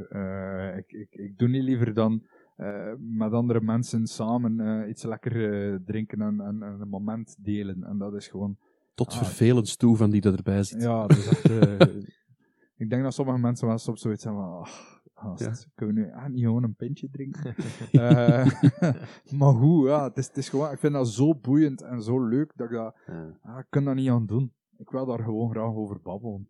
Dat, Volledig mee daar, daar, daar komt het op neer. Wat vinden jullie trouwens? merk je een verschil? Ik ging er juist naartoe gaan, ja, absoluut. Ik vind die, die een tweede, ehm, ik vind altijd heel moeilijk, hè, maar die een tweede is fruitiger voor mij op een of andere manier.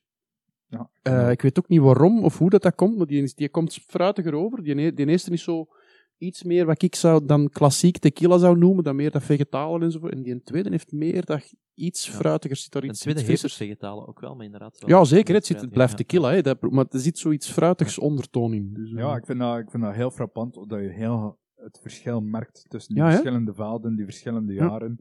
En ehm, als je geluk hebt, dan kun je zo nog eh tequila ocho vinden van jaren terug. Eh, zo heb ik zo in Amsterdam nog een, een, een 2014 op de kop getikt. Mhm. Eh, vandaag heb ik nog toevallig een 2017 op de kop getikt. Ik vind dat zo fascinerend om iedere keer al die verschillen te merken. Maar even, eh, even voor alle duidelijkheid.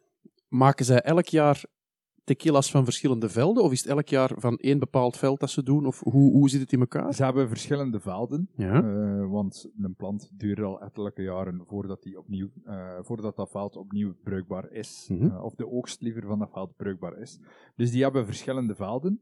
En dan per veld waar de planten rijp zijn, gaan ze gaan distilleren. Bijvoorbeeld in 2022 was eh, het Nascimento rijp. Mhm. Dat is niet het enige veld dat ze in 2022 gebruikt hebben. Er zijn er nog een aantal beschikbaar. Oké, maar je kunt En dus ook- wel bijvoorbeeld hè, Nascimento 2022 zouden kunnen vergelijken met een, een hetzelfde andere- veld 21, 20 enzovoort. Nee, Of- dat, dat niet. Dus dat, dat veld gaat nu nog zeven jaar duren voordat ah ja, het zijn opnieuw altijd, in worden. cyclus van zeven jaar. Ja, want eh, die planten hebben zoveel tijd nodig. Een Ja, dat je ja, die plant van het veld haalt, dan, dan kun je... Allee, die Ah, ik, ik, heb, ik, kan mij, ik kan mij niet de grootte van zo'n veld inbeelden. Dus het is niet dat ze zeggen van ja, we, we- we- we gaan nu eh, een, een tiende van dat veld oogsten en dat bottelen.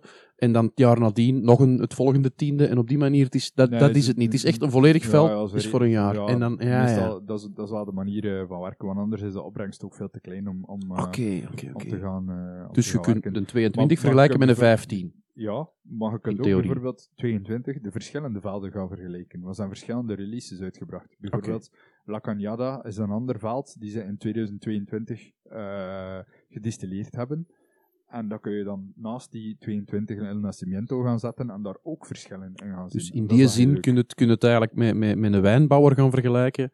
Hè, die, die, die Cabernet Sauvignon verbouwt eh in de, de, de, de jaargang 21 en de jaargang 22. Kun je vergelijken, maar diezelfde wijnbouwer heeft misschien ook een veld Cabernet Franc dat, er, eh, dat ernaast staat en die ook in 22 jaar- zoiets. Oké, ja, of die Begin kan zelfs, zelfs Cabernet Sauvignon op het ene veld, Cabernet Sauvignon op een ander veld van hetzelfde jaar.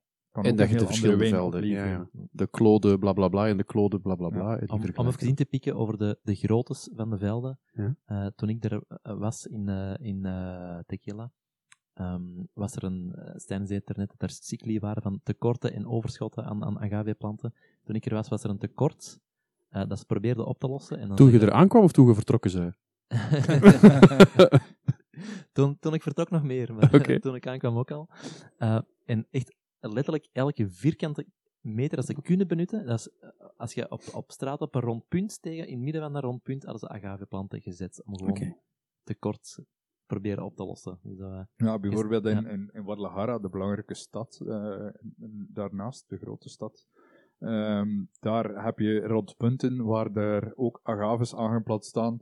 Eh, bijvoorbeeld rond La Minerva zijn de agaves van Herradura. En dan heb je een ander rondpunt waar andere agaves staan van een ander tequila bedrijf.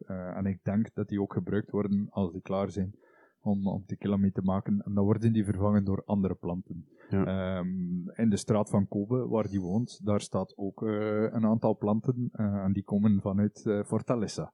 Logisch, want hij werkt ervoor natuurlijk. Moet wel zeggen, dat waren de mooiste dat ik gezien heb. Die van Herradura waren niet zo mooi rond La Minerva. Maar het ding is wel zo, ja, Jannik zei dat er in 2017 een tekort was. Vroeger was dat op en neer, maar de laatste tijd met de boom van, eh, van tequila, internationaal dan, Mhm. is er eigenlijk al jaren aan een stuk een tekort. En zijn we al jaren eh, met een recordprijs per kilo voor agave. Dus eh, het zijn gouden tijden voor boeren. Ja. Eh, maar de marges voor, voor eh, tequila die, aan producenten die worden wel eh, kleiner. Dus dan vind ik het nog eens eh, extra bewonderenswaard dat een, een, een Ocho voor een 30, 35 euro beschikbaar is in de Ja, markt. ja. Heren, hebben Jannik is ondertussen Ja, zijn, eh, zijn samples. Lege, lege glasjes, want eh, Ja, ja ik, heb er nog, ik heb er nog twee. Ik Ja, zal dat van mij even proper maken. we hebben zelf ook iets om te proeven. Hè. Ja, fantastisch. Ik kijk er wel naar Ja. uit. zo. Ik, ik vond het wel heel moeilijk om, om iets te kiezen. Want Ja. ja, zoals ik zei, ik, ik doe niet liever dat mensen laten proeven en mensen laten, eh, laten genieten. En ja, dan moet ik echt zo nadenken van, oef, ik heb hier heel wat staan. Ik vind het allemaal heel leuk wat hier staat. Waar moet ik mee aan de slag? Dus eh, het, was, het was wel even, even een moeilijke opgave, om eerlijk te zijn. Ja, kijk. Wij zijn ook niet zo moeilijke mensen. Hè. Wij zijn met alles content. Maar... Ja, Jannik is dan Duits schenken nu. eh, eh, want ik heb ook gezien dat we alweer heel lang aan het babbelen zijn ondertussen. Dus eh, we, gaan, we, gaan weer, we gaan weer ver over onze, onze geplande tijd gaan. Maar, dat is niet dat erg. is toch leuk met een podcast? Tuurlijk. De, de, de regels die zijn er zoals dat je ze zelf maakt. En als je die regels overschrijdt, who cares? Ja. Dat, dat, dat, dat, dat vind ik zo leuk aan het medium ook. Ja. Ik, heb- Jan, ik zei het al, eh, ik heb het zelf ook al een paar keer vermeld. Ik heb een podcast, maar dat is ook voor mij de reden waarom ik daarmee startte. Was, ik ben super geïnteresseerd ook in het reilen en zeilen van dingen, hoe dingen in elkaar zitten. Dat wil ik graag weten. I like to nerd out about shit. en eh, ja, als je zo naar een boer wilt stappen en je zegt tegen een boer van eh, ja, ik wil hier graag eens een, eh, een uurtje babbelen met u over, over hoe, dat, hoe dat je koeien melkt, dan Mhm. zegt hij van ja, prima, maar ik heb wel werk te doen. Terwijl zat daar een micro tussen en dan is het van ah ja, het is goed, kom maar af. Nee, nee, van da- vanaf dan is het marketing, hè? Ja, voilà. Maar tegelijkertijd is dat, is dat ook wel leuk. Eh, enerzijds voor hun, omdat ze een platform krijgen om een verhaal te delen, eh, wat dat ze niet altijd hebben. Ja. Eh, en anderzijds, voor mij heel leuk, want ik krijg eigenlijk iedere keer een masterclass. En dat is echt de max. Ja, Dat is, dat is de reden dat wij het ook doen, hè? Dus, eh, Ja. Want jij, uw, uw podcast is over eten, hè? Die ondertussen ehm 73 afleveringen online staan. Eh, ja. Ja, ik heb Ja. het strak gecheckt. Het is, eh, ik, denk, ik denk op dit moment 72 afleveringen en één bonusaflevering. Ja, ja, ja, ja inderdaad. Want het klopt. Uw nummering ging tot 72, maar er stond 73 in totaal, Ja, dus het Dus, klopt ergens ja, één, één eh, bonusaflevering was eh Nerdland Festival, waar Ah, ja. ik over stoofvlees ben gaan praten. Oh, we elkaar juist welk gemist hebben, want ik was er op zaterdag. Ja, welk bier past het best in stoofvlees? was de, Ja, ja. het onderwerp eh, van de podcast. hè. de conclusie was dat er niet één bier specifiek eh, het beste past voor stoofvlees. Dat is trouwens heel grappig, hè, want ik, ik moest daar dus eh, op zaterdag eh, babbel, een babbel doen samen met, eh, met Kobe, eh, een, eh, een, een, een, een vriend, collega, kennis. Eh, en de dag nadien ging jij daar dus spreken over stoofvlees. En eh, het- onze talk was gedaan en we zeggen, ja, zijn er nog vragen? Ja, we hebben gezien dat er morgen een talk is over stoofvlees. Wat vinden jullie het beste bier voor in stoofvlees? Dus Zo van, oké, ja. Ehm, ja. Dus je hebt eigenlijk niet naar ons geluisterd, gewoon gewoon ja, dat weten, maar dat is Ja, goed. voilà. Ik heb intussen de glaasjes uitgeschonken. Ja. Eh, ik had een heel donkerbruin vermoeden dat Stijn iets Mexicaans ging meebrengen. En dat bleek zo te zijn. Dus ik ben iets eh, helemaal anders eh, gaan denken. Eh, maar er is wel een, een, een mooie link met Stijn. Hmm. Het is een distillerij dat we samen bezocht hebben. Een paar jaar geleden. Ik zie Stijn al eh, knikje dacht van, het, van ik dacht herkenning. het. Ik rook zo, ik had zo, hm, ik kan dit. Ik ga, ik ga even het moment beschrijven dat hem dat, dat, hem dat hoorde, eh, Stijn. En het, het werd hier allemaal net iets lichter, want de lichtjes in zijn ogen gingen aan. ja, dus duidelijk goede herinneringen. ja, absoluut, absoluut. Dus, eh, Ja. Ik denk een van mijn favoriete Europese Voor, distilleerderijen. voor de luisteraars we even zeggen waar, Ehm, waar het over gaat. Hè. Ja, het gaat over uh, Kireu Distillery Company van, eh, uit het kleine dorpje Isokiru aan de, aan de, de, de, de westkust van Finland. hè. Hmm. Ik ben eh, ten rade gegaan bij eh Michael de brandambassador is in, in België voor, voor Kiro. Hoe heet die met zijn achternaam? Eh, van Nieuwenhuizen. Nieuwenhuizen, hè? Ja. Ja. VN op Facebook, hè? Maar ik, ja. Ja, ja. Heel, Sorry, heel mens, Heel toffe mens ook. Ja, heel toffe gast. Ja. Eh, en hij heeft mij een paar sampletjes bezorgd. Ik heb wat info. allee, Stijn, hij kent u, maar ik heb ook wat meer info bezorgd. Ik had hem laten weten dat je ook een Porto-liefhebber bent. Eh, dus dit zit, eh, ik ga het even voorlezen hoe het hem exact heet. Dit is de Kiro's Choice Finnish Whiskey Day 2021 edition, small batch, one-time release, exclusive for the Finnish market, aged in ex-bourbon en ruby port barrels. Dus eh, een afrijping in Porto-vaten, omdat ik wist dat je ook liefhebber van Porto bent. Ja, ja. Dus, maar- ja. Bij mij thuis heb ik ook een aantal vintage porto's die liggen te rijpen. Gewoon omdat dat, dat is Super superlekker, interessant ook. Dat is ook super lekker. Daarom dat ik ook daarnet eh ah, Porto gebruikte als, als voorbeeld van, die, Ja. van die terroir. Mhm. Ik hou wel van wijn en ik heb eh, een WZ 1 wijn gedaan. Maar mijn hart ligt eigenlijk bij spirits. Mhm. Als, het, als het gaat over eh, alcoholische dranken. Eh, maar eh, Porto heeft toch ook een speciale plek, omdat die misschien ergens tussenin zitten. Ja, ja. Ja, absoluut. Ik ben ook een grote fan hoor, van, van Porto's en Sherry's en Madeiras en al die versterkte wijnen. eh, Er zijn heel mooie dingen bij. Ja. en ik snap ook helemaal waarom dat je fan bent eh, van de Kiro, ook, want dat is fantastisch. Niet enkel hun product, maar ook heel hun filosofie. Ja, Eh, voilà. En ook eh, in de distilleerderij daar heb ik ook gewoon vriendschappen overgehouden die, die, die ondertussen blijven Ja. duren. Eh, ik, ik was al fan van het product voordat ik ermee werkte. Ehm, Ja. Werkt, werkt onze IJslandse viking er ook nog? Ja, ja, ja, dus eh, onze, IJslandse, onze Belgisch-IJslandse viking, die nu een, een semi-fin is. Askeer. Ja. Die, eh, ja, die heb ik dan ook in die rol van, van brand ambassador kunnen duwen destijds. Mhm. Maar ik was al fan van het merk. Ik kende het merk al. ik vond het een, een, een heel lekkere gin. Een hele leuke ja, semi-whisky. Want het was nog niet echt whisky eh, wat ik toen kon proeven. Verso. Nou, ze zijn Eh, begonnen met de gin hè, en dan gewacht op de ja. whisky tot die klaar was. ja, zelfs niet. Die Ja. hebben op een bepaald moment eh, niet whisky verkocht. Verso. Eh, wat ik al fenomenaal vond. Eh, ja, die hadden geld nodig, dus die hadden zoiets van, ah, we verkopen gewoon. En dan bleek van, ja, maar ja, we hebben hier nu iets van twee jaar oud verkocht, moeten we niet gewoon nog een jaar wachten? En dan Ja. zoiets van, Ja. ah ja, dat is eigenlijk wel waar. Want ze, ze zijn Eh. inderdaad vooral bekend omwille van hun gin, maar ze zijn inderdaad altijd met het idee gestart om whisky te maken. hè. ja, ja, eh, Roggen hè, vooral. hè. Dat ja, is dat ook ja. hun, hun Als- basis. Als ik me niet eh, vergis, zijn ze in een Finse sauna op het idee gekomen van eh Rogge whisky uit Finland te ja, dus de, het verhaal daar is dat ze, dat ze inderdaad, ze zaten een, eh, een whisky tasting te doen in een sauna. En eh, eh, de- ze kwamen aan rogge whisky en ze hadden hoe, zoiets hoe van... Fins kan het zijn? Eh, Oké, de rogge is super belangrijk voor ons. Wij hebben eh rogge pudding, wij hebben rogge brood. Rogge, wij eten eh, zoveel keer meer rogge dan eh, de gemiddelde Europeaan. Ja, waarom hebben wij eigenlijk geen, geen Finse whisky op basis van rogge? Kan dat eigenlijk gedaan worden? Ik denk het wel. Kunnen we dat zelf? Waarom niet? Laat ons dat zelf doen. Oké, we gaan dat zelf doen. toch. En dat, eh, dat is eigenlijk het begin van, van het Kiro-verhaal. En dan, eh, dan zijn we nu ja, een dikke tien jaar later en hebben ze een, een, er wel, serieuze, een serieuze distilleerderij in een Ja. oude, oude melkfabriek in, eh in Isokiro. En, en daar worden fantastische dranken gemaakt. Dat is echt, Maar wat, wat ik vooral heel boeiend vind aan Kiro is, die zijn als bedrijf ondertussen volwassen geworden. Dat zie je aan hoe dat ze de dingen aanpakken en zo. Maar dat blijven ook gewoon kinderen die aan het spelen zijn. Hè? Mhm. Dat is zo tof. Ja, dat is, dat is zeker. ehm, Ja. dat, die, die hebben dat heel speels gedaan. Ja. Maar met toch een Scandinavische serieus. Ja, Zonder die speelsheid te verliezen. klopt. Dat Ja. vind ik, dat Vind vind ik heel leuk. boeiend. En dat, dat is volgens mij ook de reden waarom dat die vriendschappen ook blijven duren. Het is gewoon, we zijn gewoon excited over Mm. dingen. En dat, dat, dat helpt. Trouwens, even, net ook moest ik weer even een klein flashje. Hè. Dus die mannen zitten in een sauna whisky te proeven. Als je hier in België, als het 25 graden is, oh nee, nee, een whisky, dat is, nee, het is te warm. Dat gaat niet. Die mannen zitten in een sauna. Ja, dat is Finland, hè. Ja, ja, ja. ja, Die- oké. Die is dat altijd. Die doen alles in de sauna die- eigenlijk, die daar komt wel in sauna. Dat is, dat is zo normaal, die sauna. Dat is al zo'n normaal deel van het leven.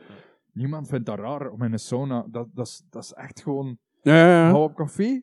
Ja, ça va. Moet ik zo liever naar de sauna gaan? Ja, dan gaan we naar Oh, de sauna. dan pak een pintje mee. Pak een pintje mee. en dat is, dat is een normale gang van zaken. Ja. Dus eh, ook als wij daar waren, ah, ik had geluk eh, gehad om er, eh, om er een paar keer te zijn. Een keer eh, toen dat het min 10 was eh, met, met Gary. Eh, we zaten toen in een hot tub, eh, min 10, muts op, whisky in het glasje in de hot tub eh, ronddobberen. En zo hebben wij de nacht eh, weggebabbeld. En dan eh, was ik er ook eens in de zomer, eh, wat dat bijna, ja, wij zaten er om, om, om twee uur s'nachts, uh, oh, hoe laat is het eigenlijk? Ah, het is twee uur s'nachts. Ja. Ja, die zon zit hier nog mega hoog. Ja, ik wou, ik wou net een beetje duiden. In, de- in de winter zijn het heel lange nachten en in de zomer Mhm. quasi geen nachten. Quasi geen nacht. Ja. Ik denk dat technisch gezien was er een zonsondergang. Mhm.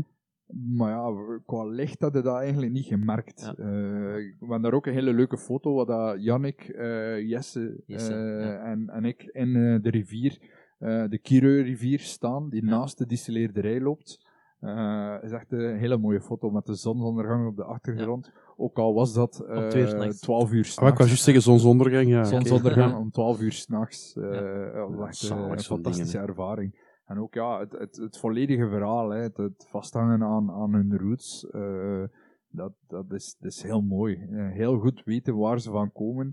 Eh, heel goed die, die, die branding ontwikkelen. Ja. Heel speels, maar toch met een, Ja. met een Scandinavisch Ja. serieus. Dat is Mhm. een, ja, voor, voor mij een van de mooiste distilleerderijen in Europa. Er staat ook nog op mijn lijst hoor, om nog eens naartoe te gaan. Want ik vind het ook, ik vind het ook zeer boeiend.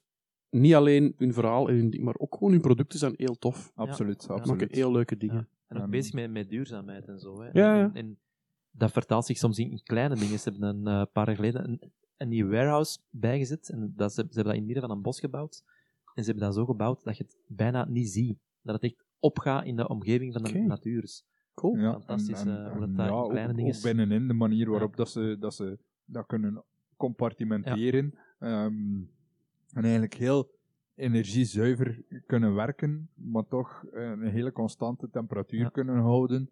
Ehm, dat dat ze ook gedaan hebben is, dat is beton, die, die Mhm. warehouse, maar toch de buitenkant ziet eruit net alsof dat planken zijn. En die planken komen van een schuur die een paar kilometer verderop stond, die, die dan model gediend hebben voor het uiterlijk van die, van die Mhm. warehouse. Ja, dat is fenomenaal. En die warehouse zitten er trouwens twee vaten waar mijn naam op staat. En dan af en toe krijg ik een sms'je van Gary met een foto van een van die vaten, omdat die toevallig in de warehouse moest zijn voor een of andere reden.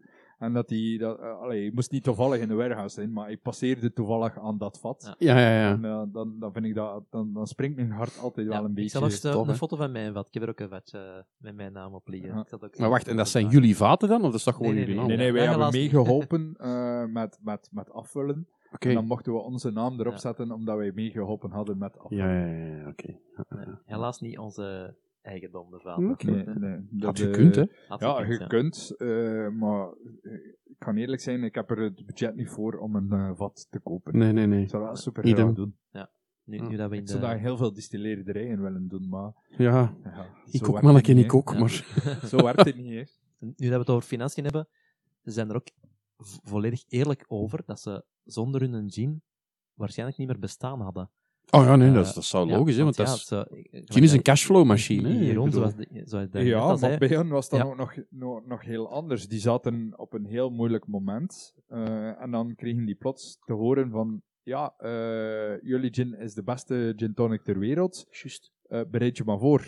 En die gasten zo van, oh ja, dan gaan we nog een keer dubbele doen van wat dat we normaal doen. En dat hadden ze zwaar onderschat, want dan Ja. wou heel de wereld plots hun gin. Dan is En dan-. Ja. Is dat inderdaad een, een, een cash cow geweest om dan die andere activiteiten te gaan subsidiëren. Want ja, als je whisky maakt, je moet Wacht- al minimum eens, drie jaar Ja, ja. wachten. Ja. Maar ondertussen, je kan niet één keer distilleren, drie jaar wachten, dan verkopen en dan beseffen van oei, we moeten nu nog eens Blijven maken. Je moet blijven maken om dan achteraf mee te zijn. Maar ja, dat kost alleen maar geld. Hè. Ja, ja. Je, je kunt geen drie jaar niet eten. Je kunt geen drie jaar eh, op de poef uw materiaal aankopen. Uw energieleverancier die gaat helemaal niet blij zijn als je drie jaar Mhm. eh, een, een soort kraakpand eh distilleerderij runt. Eh, En, en bovendien in, in Finland ook niet evident om, om alcohol te verkopen. Voor Nee, in de nee, nee. supermarkt, Nee. in, in de supermarkt Allemaal staatsgere, staatsgereguleerd, hè? Ja. ja, ja, en ook eh, ja, reclame mag daar niet gemaakt Ja, worden eh, rond sterke drank. Dus was het nieuws dat zij gewonnen hadden geen reclame, maar nieuws. En dat hebben ze handig PR, uitgebuit. Ja, ja, ja, ja, ja. Clever. dus eh, ja, op, op, op, op dat vlak heb ik eh, niet, niets anders dan bewondering voor die, voor die jongens. Wat, die, wat, wat voor een, een, een, een ongelooflijk parcours die gereden hebben. Mm. Op Maar korte vooral- tijd, hè. Maar Ja. vooral, het is een heel mooi product. Het zijn gewoon fantastische mensen. Het is een hele mooie distilleerderij. Eh, Ik ben er ook bijna dood gegaan. Eh, eh, Nog zo'n goede herinnering. ja, het is eh, ook gebeurd. Ja. Wij waren, toen ik daar was met Jannik, dan hadden wij kort even een foraging sessie. Mhm. Foraging, voor de mensen die niet weten wat dat is, dat is wildplukken. Eh, maar dat klinkt gewoon chiquer in, in het Engels. Ehm wildplukken, dat betekent dat je plantjes plukt die eetbaar zijn. Ehm, ja, alles is eetbaar, sommige dingen gewoon maar één keer. Ja. Ehm, en eh, ik, eh, plukte, ik had een tijdje ervoor naar Brooklady geweest en daar ook foraging gedaan. En daar hadden we daslook gevonden. Mhm. Super lekker, fantastisch. is trouwens illegaal in België om te plukken. Ehm, dus Ja, dat is beschermd, hè? Dat is een beschermde plant, dus eigenlijk doe je dat beter niet. Ehm, ook al weet ik heel veel bartenders die zich daar geen fuck van aantrekken. Die Eh, namen krijgt u... eh, Eh, die namen krijgt u niet. Piep en piep. Ik ben geen snitch. Nee. Ehm, maar ik wist dat ook niet trouwens. Ik wist Nee, dat, nee. ik weet eigenlijk nog maar sinds deze week dat dat, dat, dat beschermd is. Ehm, maar goed, wij, ik had dus eh daslook leren kennen. Ik vond dat fantastisch. Ik was zoiets van, wow, lekker, lekker. Er is nu namelijk een plant, Lily of the Valley in het Engels. mhm. En die lijkt ongelooflijk, Nogal, hè? ongelooflijk Ja. op wel de look. Dus ik, in mijn enthousiasme, ik sta te roepen, wauw, ik heb wel de look gevonden. Fantastisch. Ik neem daar een, een grote bundel vast. Ik steek dat in mijn mond. En op het moment dat ik wil doorbijten, dan roept Marta, iemand van de distilleerderij, stop, stop, stop, stop, that is going to kill you. En dan had ik zoiets van, ah, oké. Oké, dat is dus geen daslook of wat? Er was inderdaad gelukkig beetje- iemand bij. Dat er, eh, Stijn de Schacht, de Bear Grylls van de Aldi. Ja, zeg maar zeker. Zeg maar zeker. Dus ja, dat was, dat was geen zo'n... eh, Ja. zo'n goed eh, idee. Dus eh, dat foragen, daar bleef ik eh, ondertussen een beetje uit. Alleen onder begeleiding. Eh, ja. Omdat ik er door die ervaring een beetje bang van gekregen heb. Eh, maar het is wel een goed verhaal Ja, geworden. en met die ingrediënten dat we daar verzameld hebben, hebben we daarna zelf gin gemaakt. En wie Ja. Ooit de kans krijgt om naar bezoek te gaan in de guesthouse, zal er nog wel een flesje van staan. Ah, ja. eh, van Of, of die daar, is al eh, opgedronken, dat weet ik ja. niet eigenlijk. Dat Ja. kan. Ik heb er geen Eh, flesje van meegenomen. Ik heb wij er hebben, thuis nog wij wel, hebben allemaal een flesje gekregen, lang, maar eh, die, die begint op te raken. Ah, oké. En, allee, dat was wel leuk. Dat was zo echt, wij hadden van al die verschillende ingrediënten een, een, een distillaat gemaakt eh, onder begeleiding. En dan hadden we de basis gin die ze maken. En dan zijn we daarmee aan de slag gegaan om er een eigen eh, versie van te maken. En dat, eh, dat, dat vond ik heel leuk. En Mhm. ik ben ook heel blij met, de, met het resultaat. Het is echt een, een heel lekkere eh Kiro variant geworden. Wat ik ook fantastisch vond aan Kiro, is dat elke werknemer van Kiro er mag zijn. Je zet er geen eh, nummer of weet ik veel wat. Wij waren er op bezoek en echt iedereen heeft zijn uitleg mogen doen. Mhm. Van de kleinste tot de grootste rol. Vind ik fantastisch. Hoe dat Ik had, de- ik had dezelfde eh, ervaring. ja. Ik heb eh, Springbank Whisky School gedaan. Ik heb daar een week mee, meegedraaid. Dat is juist hetzelfde. Als je daar in die, in die bottelhal staat, daar staan studenten bij wijze van spreken, want die babbelen op dezelfde manier. eh, en die, die, die, er is niemand dat zegt van gewoon niks zeggen of weet ik wat. Dat is Ja. gewoon superleuk om, om met die mensen te babbelen. Dus, eh, Ja, ik denk dat dat ook een voordeel is natuurlijk als je niet de grootste bent dat dat Mhm. kan. Want ik kan me wel perfect voorstellen dat als je in een, een hele grote distilleerderij werkt, die miljoenen liters uitpompt, dat dat moeilijker wordt. Maar ik denk, ik denk vooral dat het een keuze is. Want op een bepaald Dat moment, allee, groeide zo hard Ja. uit elkaar. Ja, ja. Want dan, dan, dan weet de, de, de bottelarij niet meer wat dat er gebeurt in de distilleerhal. En dan weet de, de, de packaging niet meer wat dat er ergens anders gebeurt. En, en, en noem maar op. Maar dat is een keuze dat je als bedrijf maakt, denk ik. Voilà. Net zoals dat je al die andere keuzes maakt. Tuurlijk, maar eh, eigenlijk ja, constant. Het leven draait om keuzes maken. Mm. Allee, van het moment dat je opstaat, je nog even blijven liggen of je wekker afdoen? Dat, allee, ja, uiteindelijk, En soms moet het gewoon. En dat is dan, ja. en dat proberen we dan zoveel mogelijk te vermijden. omdat je in het verleden een keuze gemaakt hebt om. Allee, ja, dus Ja, dat- kinderen te maken. bijvoorbeeld. Bijvoorbeeld. bijvoorbeeld. Ik heb hier van, van eh, Michael nog een eh, ander sample zeker. Er jij nog een sample bij? proeven? Ja, oh, is goed. Ja. Kom, allee. omdat je, eh, omdat je Omdat de keel zet. ja, ik denk dat we... Een, een- we gaan gewoon, eh, beste luisteraars, een lange aflevering maken deze keer. Maar ja, ik denk dat dat wel, ik denk dat dat wel leuk is. Ik denk dat er ook allee, heel veel kennis eh, is over al deze producten. En, en dat is wel boeiend. Allee, ik vind dat toch vind dat altijd leuk, zo'n zo'n langere afleveringen, omdat er tijd en, en, en, en ruimte is voor nuance en een verhaal goed te brengen. Ik heb trouwens, nadat Yannick heeft uitgeschonken en we hebben dat geproefd, heb ik nog iets bij om te proeven, maar iets helemaal anders. Dus, eh, Oké, maar als jullie gaan beginnen, dan heb ik ook nog iets in mijn jas zitten om te proeven. we moeten ook zien, want eh, dat moeten we misschien ook nog even zeggen, dat is misschien een goed moment. We zitten weer in de, in de Jones Foodbar in Schilde, onze vaste locatie voor de opnames van de, van de, van de podcast. Eh, waarvoor dank dat we hier weer de, eh, de Downing Street locatie mogen gebruiken. Onze, onze locatiesponsor eigenlijk. Hè? Ja, ik Foodbar. of dat is. Dat is hier een mega toffe locatie. Stof, hè, Ik man? was echt onder de indruk als ik hier binnenkwam. En dan, eh, dan dacht ik bij mezelf van, fuck, was zit ik in mijn podcast in dat klein kotje te, te kloten. Dat is hier echt zo super luxueus, relaxte zeteltjes. Ik ben echt eh, onder de indruk Ja. van de locatie. Voor we begonnen opnemen, eh, zeiden we, Stijn heeft meer luisteraars, maar wij hebben een mooie locatie om te nemen.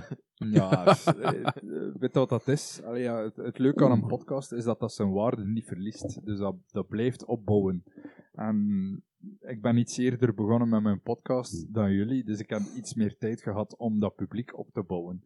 Maar dat komt. Het is gewoon een kwestie van leuke dingen te blijven doen. En vooral je eigen ding te blijven doen. En die luisteraars dat gaan volgen, dat, dat, dat vindt zijn weg wel. Dat was nog iets dat ik, eh, dat ik absoluut wilde vragen aan u. Ik, heb nu, eh, ik was er straks al naar aan toe werken met, u, met de 72 afleveringen enzovoort. Ehm, je, hebt, je hebt heel gevarieerde dingen al gedaan. Met heel veel verschillende mensen gebabbeld die in verschil, met verschillende dingen bezig zijn. Wat vonden zelf degene waar je het meest, dat het meest is bijgebleven? Het meest verrast heeft misschien? Ja, er zijn, er zijn heel veel dingen die mij bijblijven Mhm. en, en, en verrassen. Eh, soms uit onverwachte hoek. Ik had eh, een slakkenkweker eh, op bezoek. Ja, ik dacht van ja, het Je was te laat? slakken, leuk. Bedoemd. Eh, Sorry. maar dat was, dat was leuk, hè? super boeiend. Ik Ja. vond, dat, vond dat een heel schoon, een heel schoon verhaal. Eh, maar ja, dan heb je ook bijvoorbeeld eh, de, de, de visser waar ik mee sprak. eh, die, die De voor mij enige misschien- podcast waar je ondertitels voor nodig had. Ja, misschien wel, ja. Eh, maar ik, ik vind dat dat wel meeviel eh, als West-Vlaming zijnde. Ehm, Dat is ook iemand van Oostende, hè? het was, eh, het was een Oostense visser. Maar dat ligt dan ook dicht bij mij, omdat mijn grootvader was IJslandvaarder.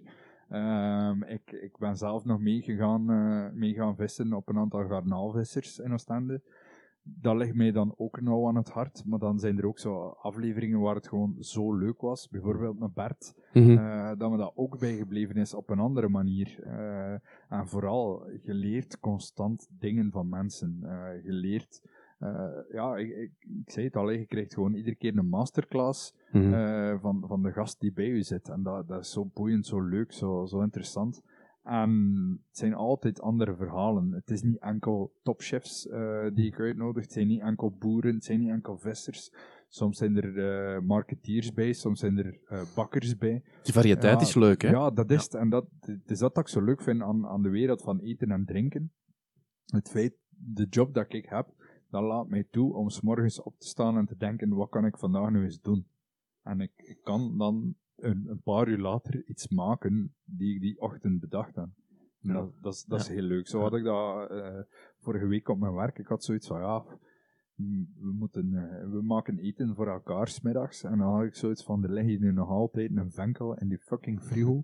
Dat blijft hier maar liggen. Wat kan ik daar nu eigenlijk mee doen? En dan zo, ja, een, een, een venkelpasta gemaakt. En dat, Hm. dat, is, dat is heel leuk. Dat, kun je, dat, is een, dat is een bepaalde vrijheid dat je in een klassieke kantoorjob niet hebt. Ja. En er is zoveel interessante dingen en interessante mensen dat, dat soms jammer is dat die, dat die verhalen ook niet vertaald worden. Mm. En dat ik dan het privilege heb om die mensen over de vloer te krijgen, dat vind ik fantastisch. Ja. Ja. En soms, ja, soms is het ook een eer om, om dan bijvoorbeeld een Piet Huizentruid over de vloer te hebben. Dat is de man die, die Vlaanderen leerde koken, als het ware. Ja. Die heeft een ongelooflijke impact gehad op eh, onze kookcultuur. Je mag dat draaien en keren zoals dat je wilt. En je mag daarmee lachen van wat hebben we geleerd vandaag. Mhm. Maar de, de impact van Piet op de gemiddelde Vlaming op vlak van koken is, is echt niet te onderschatten. Ja. En dat die man dan bij mij in, in, eh, in, mijn, in mijn zolderkamer zit voor een opname, ja, dat vind ik fenomenaal. Hè. Ja. Dat is echt klopt. ongelooflijk. Ja, Dat is ik vind, het ook heel tof. U, u, En die komt nog mee thuis al voor.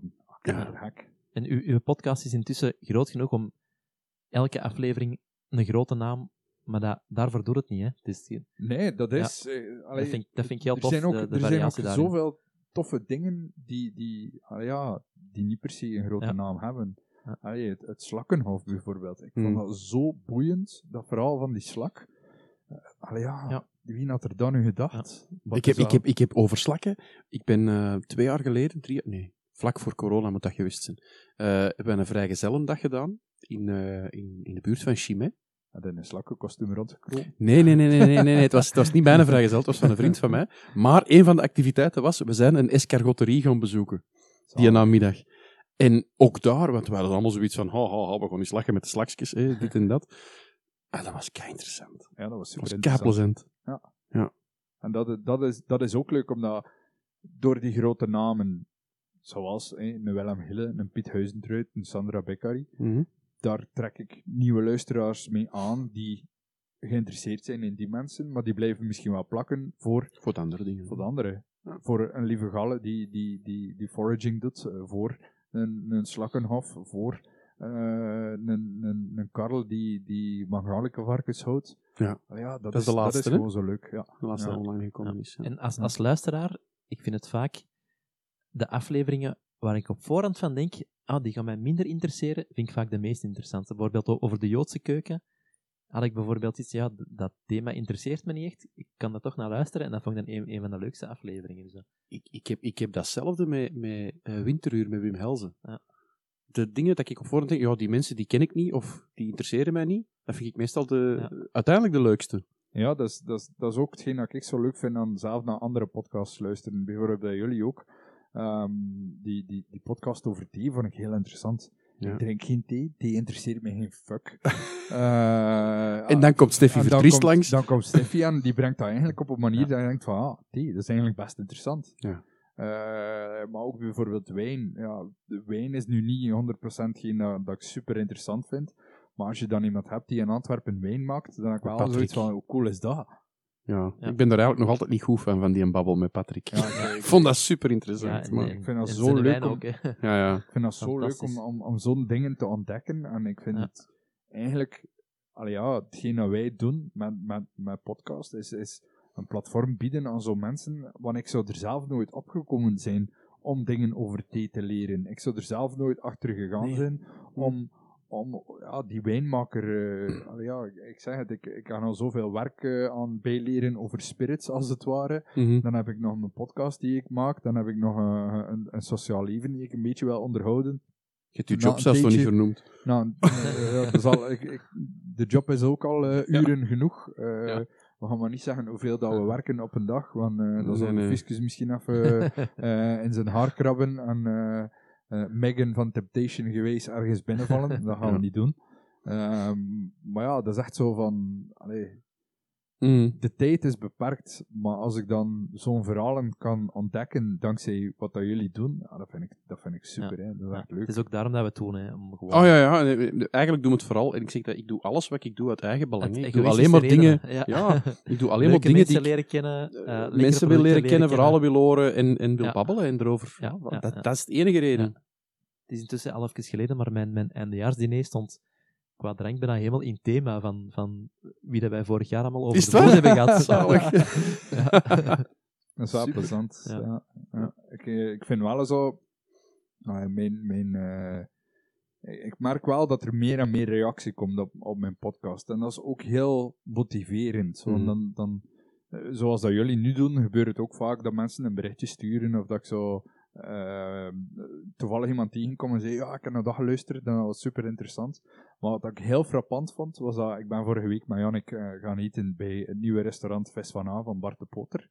En dan eh, was ik daar aan de praat met een paar mensen en die zeiden van, ja maar Steen, ja, uw, uw mailing dat je bij de podcast doet, waarom heb je dat gestopt? Ja, life gets in the way sometimes. Ja. Die Honger naar meer, dat is de gehad, nieuwsbrief, eh, ja. ik, ik was een van die personen. Dat, dat die dat was niet de enigste. En dat was nu toevallig een week waar dat er een paar mensen zo elke dag zeiden Ja. van, hoe zit dat eigenlijk met die Ja. nieuwsbrief? En, een van, paar uur later zat de ik er nieuwsbrief in dus- de ik brief. moet dat weer doen, dus ik ben die avond naar huis gegaan. Ja. Ik heb mij aan mijn computer gezet. Ik heb een nieuwe, eh, een nieuwe editie geschreven.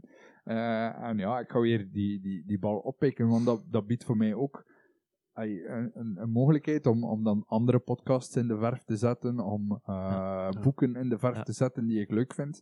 Want ja, de podcast is één ding, maar is, er rond is er ook zo heel veel leuks en heel veel interessants. Er is zoveel leuks. dus, hè. Je, ik je gewoon even zo- waar de mensen zich kunnen inschrijven. Ik vind het gewoon zo leuk om die dingen te delen met mensen. Ja. En, en daar, daarom doe ik het eigenlijk. En het, het gaat daarom niet per se om, om mij en wat dat ik interessant vind, maar gewoon omdat ik dingen leuk vind. Mhm. Dat, dat is voor mij de essentie. Zeer kenbaar. Allee, maak nu even reclame waar mensen zich kunnen inschrijven. Ja, natuurlijk via de, de Overeten website, hè, www.overetenpodcast.be. En daar kun je gewoon eh, je e-mailadres achterlaten. Als je niet weet hoe dat je een podcast beluistert, wat ik raar zou vinden, aangezien dat je naar deze aan het luisteren bent, ehm, dan kun je ook gewoon luisteren op de website. eh, Juist. Of via elke podcast-app zoals Apple Podcasts of Spotify. Zalig. Ja. Zeg, Jannik. Ja. Wat zijn wij nu aan het proeven, de Ja, ja, laatste? ik ging er net ook naar gaan. Ja, Eh, vind, het het. lekker. Vind het lekker. ja, ik vind het tof. Ja. Er was nog een, een tweede linkje met Stijn. M- Michael kon niet goed kiezen. Eh, Stijn is ook, ja, als, als mezcal-liefhebber, ook wel into smoky flavors. Dus ja, het komt via Michael, dus het is ook weer een kiro. Maar het is de, de Woodsmoke, 100% smoked rye. Ehm, niet vergissen met, met andere rokerige whiskies. Het is niet, de smaak komt niet van, Het is niet Piet. Piet. maar van echt gerookt hout. Ja, dat, eh, dat is iets waar dat ze al langer mee bezig zijn in Kure. Ehm, ik denk dat... Ik ben nu even aan het twijfelen of dat ik met jullie dat vat gevuld heb met smoke, of dat dat op de trip met Gary was. Maar toen was er al werk aan. Toen Ja. waren ze al aan het experimenteren.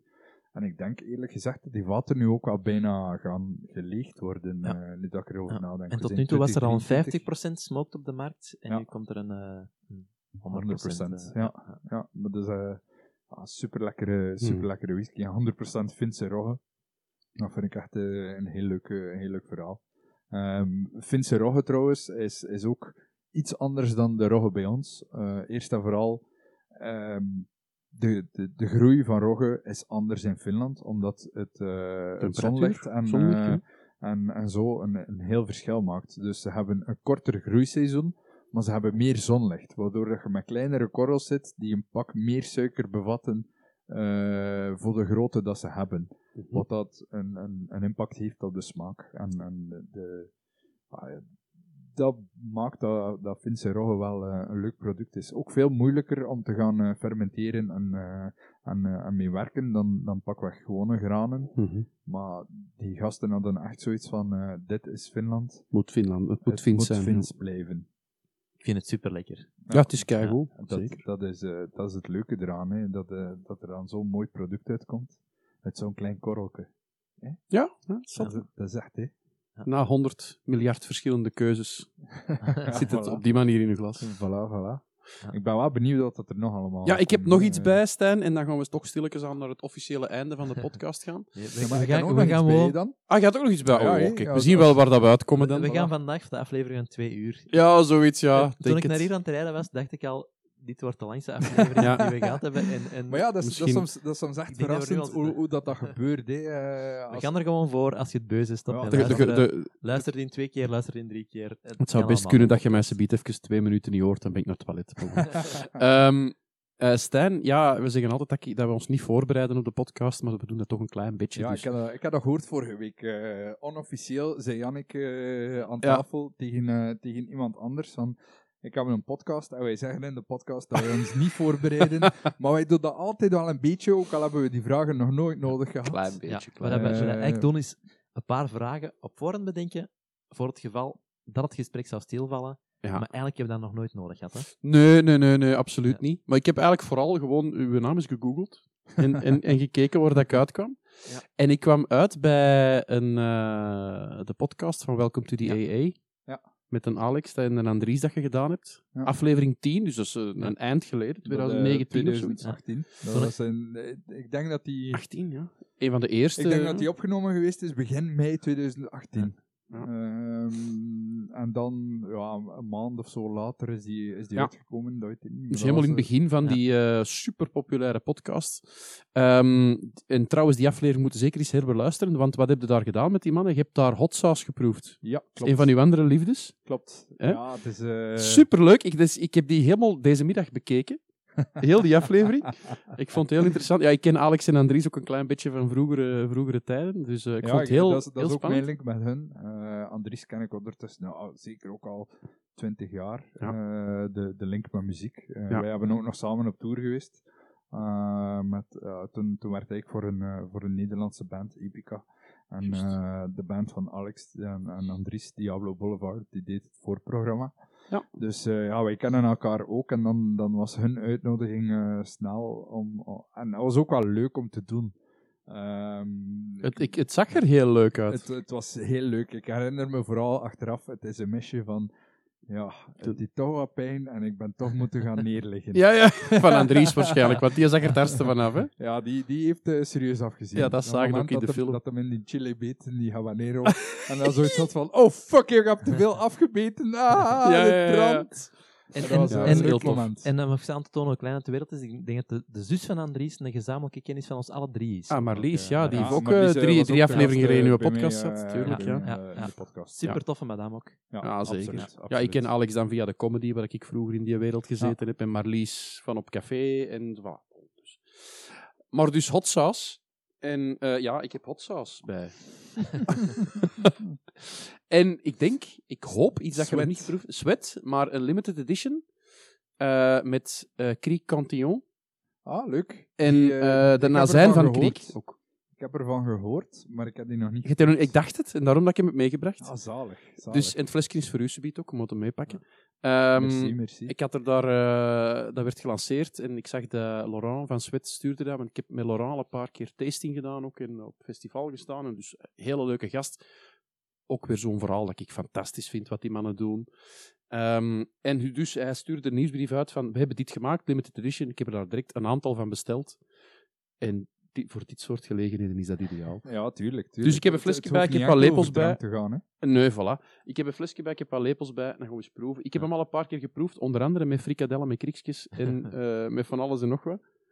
Ideaal. Ik weet ook Ja. niet of, of het nu nog altijd het geval is, maar vroeger had Stijn altijd hot sauce op zak ook. Eh, ik heb Just in case. op dit moment geen hot sauce op zak. Ehm, ik wel, dus. Ja, dus eh, er is iemand die to the rescue komt. Ja. Maar bijvoorbeeld op mijn werk, daar staat altijd een flesje hot sauce. Bij mij thuis Ja. staan er verschillende flesjes hot sauce. Eh, ik moet wel zeggen dat de zotte collectie zoals ik vroeger had afgebouwd geweest is. Vooral omdat ik nooit meer thuis ben.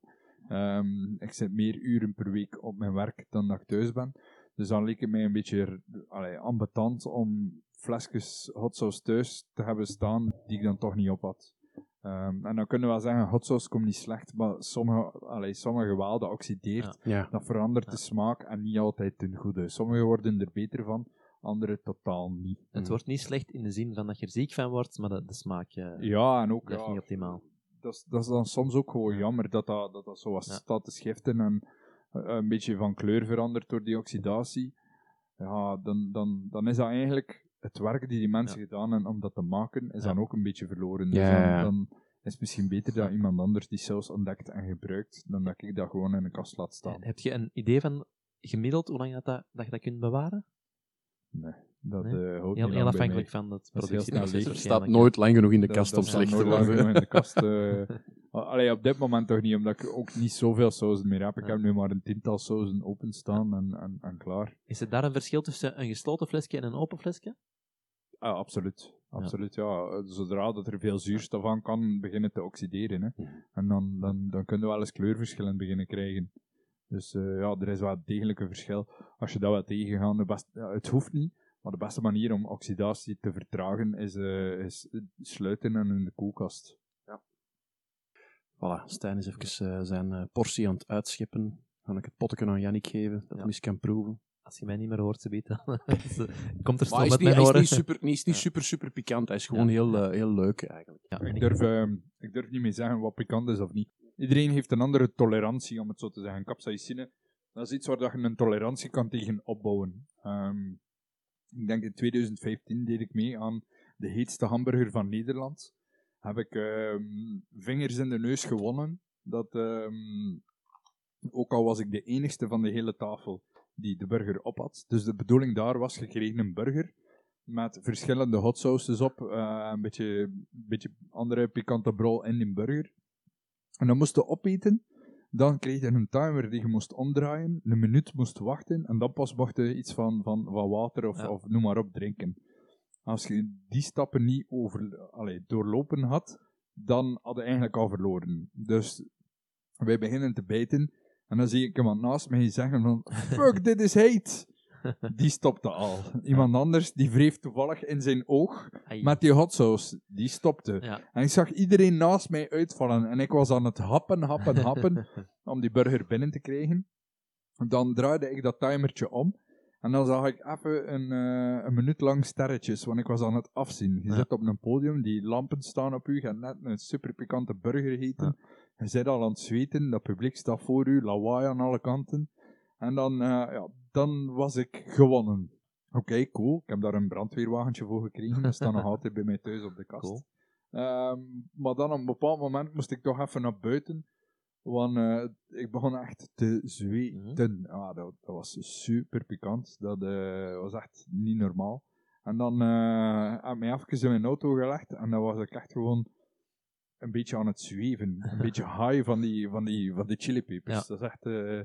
eh, Beetje zoals in de aflevering van, van The Simpsons. Dat, eh, dat Ja, Homer de niet, niet, zo erg, niet zo erg eh, Ja. zoals Homer, maar eh, nee, ja, kleuren waren intenser. Eh, allee, normaal hoorde een verschil als iemand dicht bij je praat en veraf.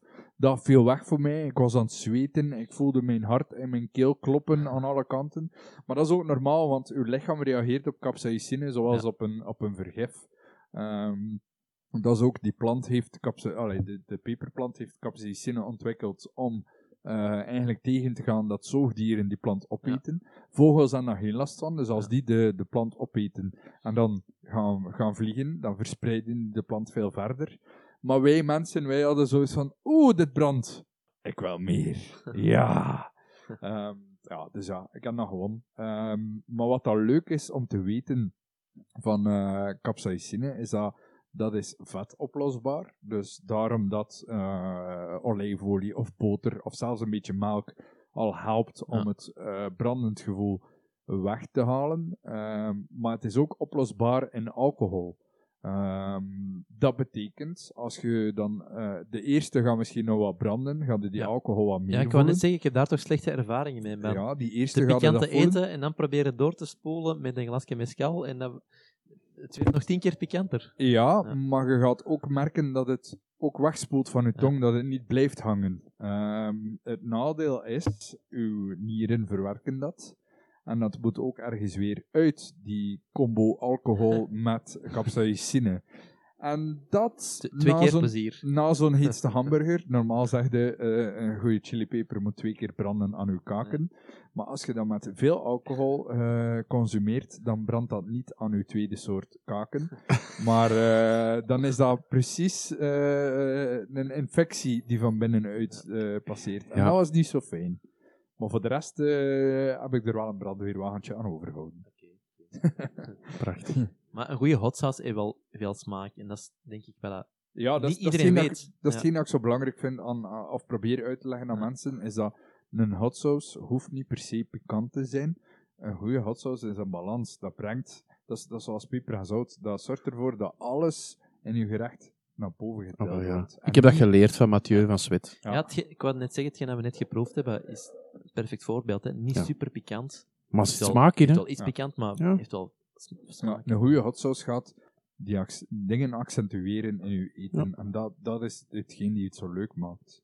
Absoluut. Eh, En, en daar, daardoor kun je er ook over beginnen denken om er dingen mee te doen. Want als het alleen gaat over ja, super pikant, ja, dan sla je gewoon mensen dood en dan is het gedaan voor de avond. Ja, er zijn zo'n aantal van die sauzen die bestaan. eh, en, en waar mensen heel veel ontzag naartoe kijken. Ah, dat is een super pikante saus. Ja, maar die is niet te vreten. Ja, voilà. De Baam eh, is een goed voorbeeld daarvan. eh, gekend van, eh, van Hot Ones.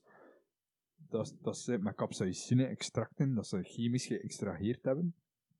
Super bitter. Su- super onaangenaam om te eten. ah, dat is gewoon een saus gemaakt om te chockeren, maar niet om, om lekker te Ja, zijn. waarom, waarom, waarom gaat het dan nog proeven? Hè? Of waarom gaat het dan nog doen? Dat heeft Ja, geen, nu, heeft nu geen weten zin. we ja. dat, maar in het begin... Allee, heel veel mensen beginnen aan hot sauce en die gaan altijd wat verder in de pikantheid. Een beetje, ja, macho en kijken hoe ver dat je kan raken.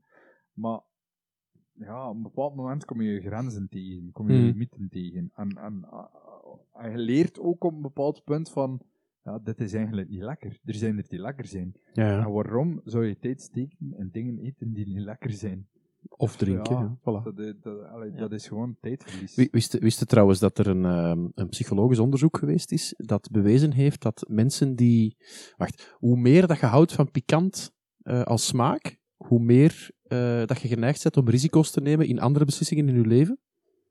Ah, dat verklaart mijn, eh, mijn eh, reckless endangerment. ja, ja, maar nee. Nee, dat Ja, is, dus, ik dat- dat ergens, ik dat ergens wel gelezen. er zit maar- ergens een, een correlatie tussen. Ja, f- ik weet dat ook niet, want, want soms wordt pikant eten ook een deel cultureel bepaald. Allee, Mm. Als je kijkt naar, naar bijvoorbeeld eh, eh, regio's in China, waar, waar dat ze heel graag pittig eten, India, eh, Mexico ook bijvoorbeeld. Ja, ik weet niet of dat, dat per se te maken heeft met, met risico's nemen. Eh, dat zijn ook Nee, maar gewone mensen. maar meer risico's schuwen, want pikant Dus- was een, was een manier van bacteriën doden enzovoort. ja, voor een stuk, maar, maar ook, ook, een, ook een stuk smaak. Hè. Mhm. bedoel, een, een habanero, dat heeft een bepaalde smaak. Een jalapeno heeft een heel andere smaak dan een... Dan een eh, het zijn twee andere soorten eh, subspecies van de, van de capsicum. Mhm. De habanero is een capsicum chinense. De, de jalapeno is een van de vele families van de capsicum annuum. Mhm. Ja, dat heeft andere eigenschappen, andere smaken. eh, en zo kun je ook beginnen spelen, hè, als, je, als je daar dan mee aan de slag gaat. Ja. Eh, maar ja, het is wel... je gaat me niet zeggen dat iedereen in, in, in die bepaalde regio in China eh, risico's, meer geneigd is om risico's te nemen. nee, nee, nee. Iedereen in, in, in de Republiek Ik- Congo, die, die, die graag wat, wat Madame Jeannette in zijn, in zijn Moambe steekt, dat die, dat die meer eh, geneigd is om risico's te nemen. Ik vermoed dat het Allee, op een westers publiek geënt was, de, Ja. het onderzoek. Ja, dat is, eh, dat, is, ja, dat, dat is ook een beetje een probleem, hè, soms dat alles te veel eh, op ons gericht is. Absoluut. Wat, wat ik tijdens mijn trip in Mexico ook eh, geleerd heb, is dat er eh, veel pepers zijn. Ja, Stijn gaat nu even weg, het was eigenlijk een vraag voor Stijn. Eh, ja, hij gaat zelf- Hij, is, hij, gaat, hij gaat zijn fles halen. Dus, dat er ehm, ja, bepaalde pepers zijn die wij kennen onder twee namen, maar Mhm. dat eigenlijk dezelfde pepers zijn, maar de ene vers, de gedroogde versie is en de, de niet Ah, ja. gedroogde versie is. Oké. Dat klopt. Eh, de poblano-peper is een, is een mooi voorbeeld daarvan. Eh, als je een verse peper hebt, dan heb je de chile poblano. Als die rijp is en dan gedroogd wordt, dan wordt dat de chile ancho. Eh, en zo heb je nog een paar andere. Dat is ook ja, een beetje, beetje cultureel bepaald. Hè. Eh, dat, dat je een onderscheid maakt tussen een vers product en een gedroogd product. Dat is, eh, dat is net alsof dat ze in het Engels ook een verschil maken in dieren. Hè. En de gedroogde de- versie is nog pikanter? Of Niet per se. niet per se? Niet per se. Die pikantheid heeft te maken met de capsaicine. Eh, en dat lijkt soms alsof dat, dat wat minder is in een verse peper. Maar dat heeft dat te maken dat er wat meer water in zit. Of dat die, dat die zaadlijsten nog niet volledig volgroeid zijn. Eh, dus niet per se pikanter. Ehm, en het is ook hoe dat je die dan achteraf bereidt.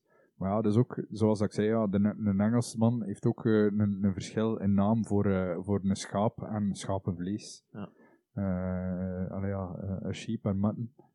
Ja, dat is cultureel bepaald gewoon. Dat dat, dat iets anders is om, om dat anders aan te duiden. Dus ja, voilà, bij deze eh, mysterie opgelost. Ik zei net, net al dat Stijn niet uit zijn rugzak gaan halen was, nog iets om te proeven, precies. Ja, het is echt eh, nog een, een heel klein restje die over is. Ehm, het komt eigenlijk uit een, een noordelijke stad van Mexico, Sonora. Ehm, dat is een, een Ja. stad die grenst aan, eh ja, aan de Verenigde Staten. ja. Ehm, en eigenlijk, wat leuk is aan dit product, is dat daar een traditie is van een paar honderd jaar. Maar dat het product eigenlijk illegaal was tot een goede twintig jaar geleden. Eh, dus eh Bacanora is ook een eh agave-distillaat. Wordt, wordt gemaakt van de, de agave pacifica.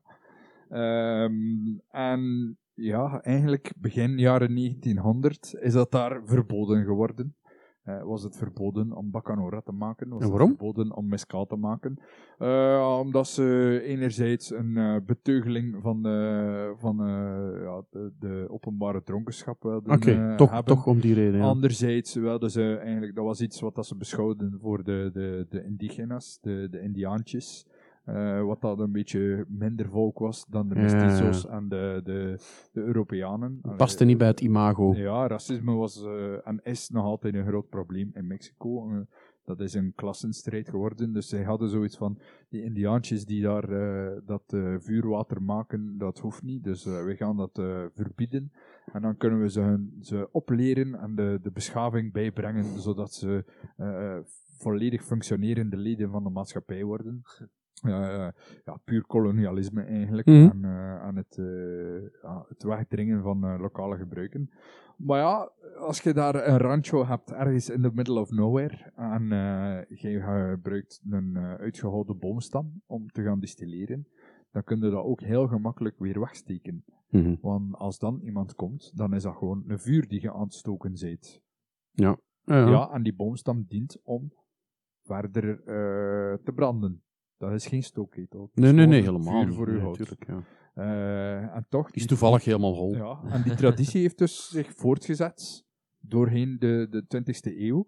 En op het einde van de 20e eeuw is dat eigenlijk ja, eh, geregulariseerd. En ondertussen is dat een product die een eh, denomination de origine gekregen heeft. Mhm.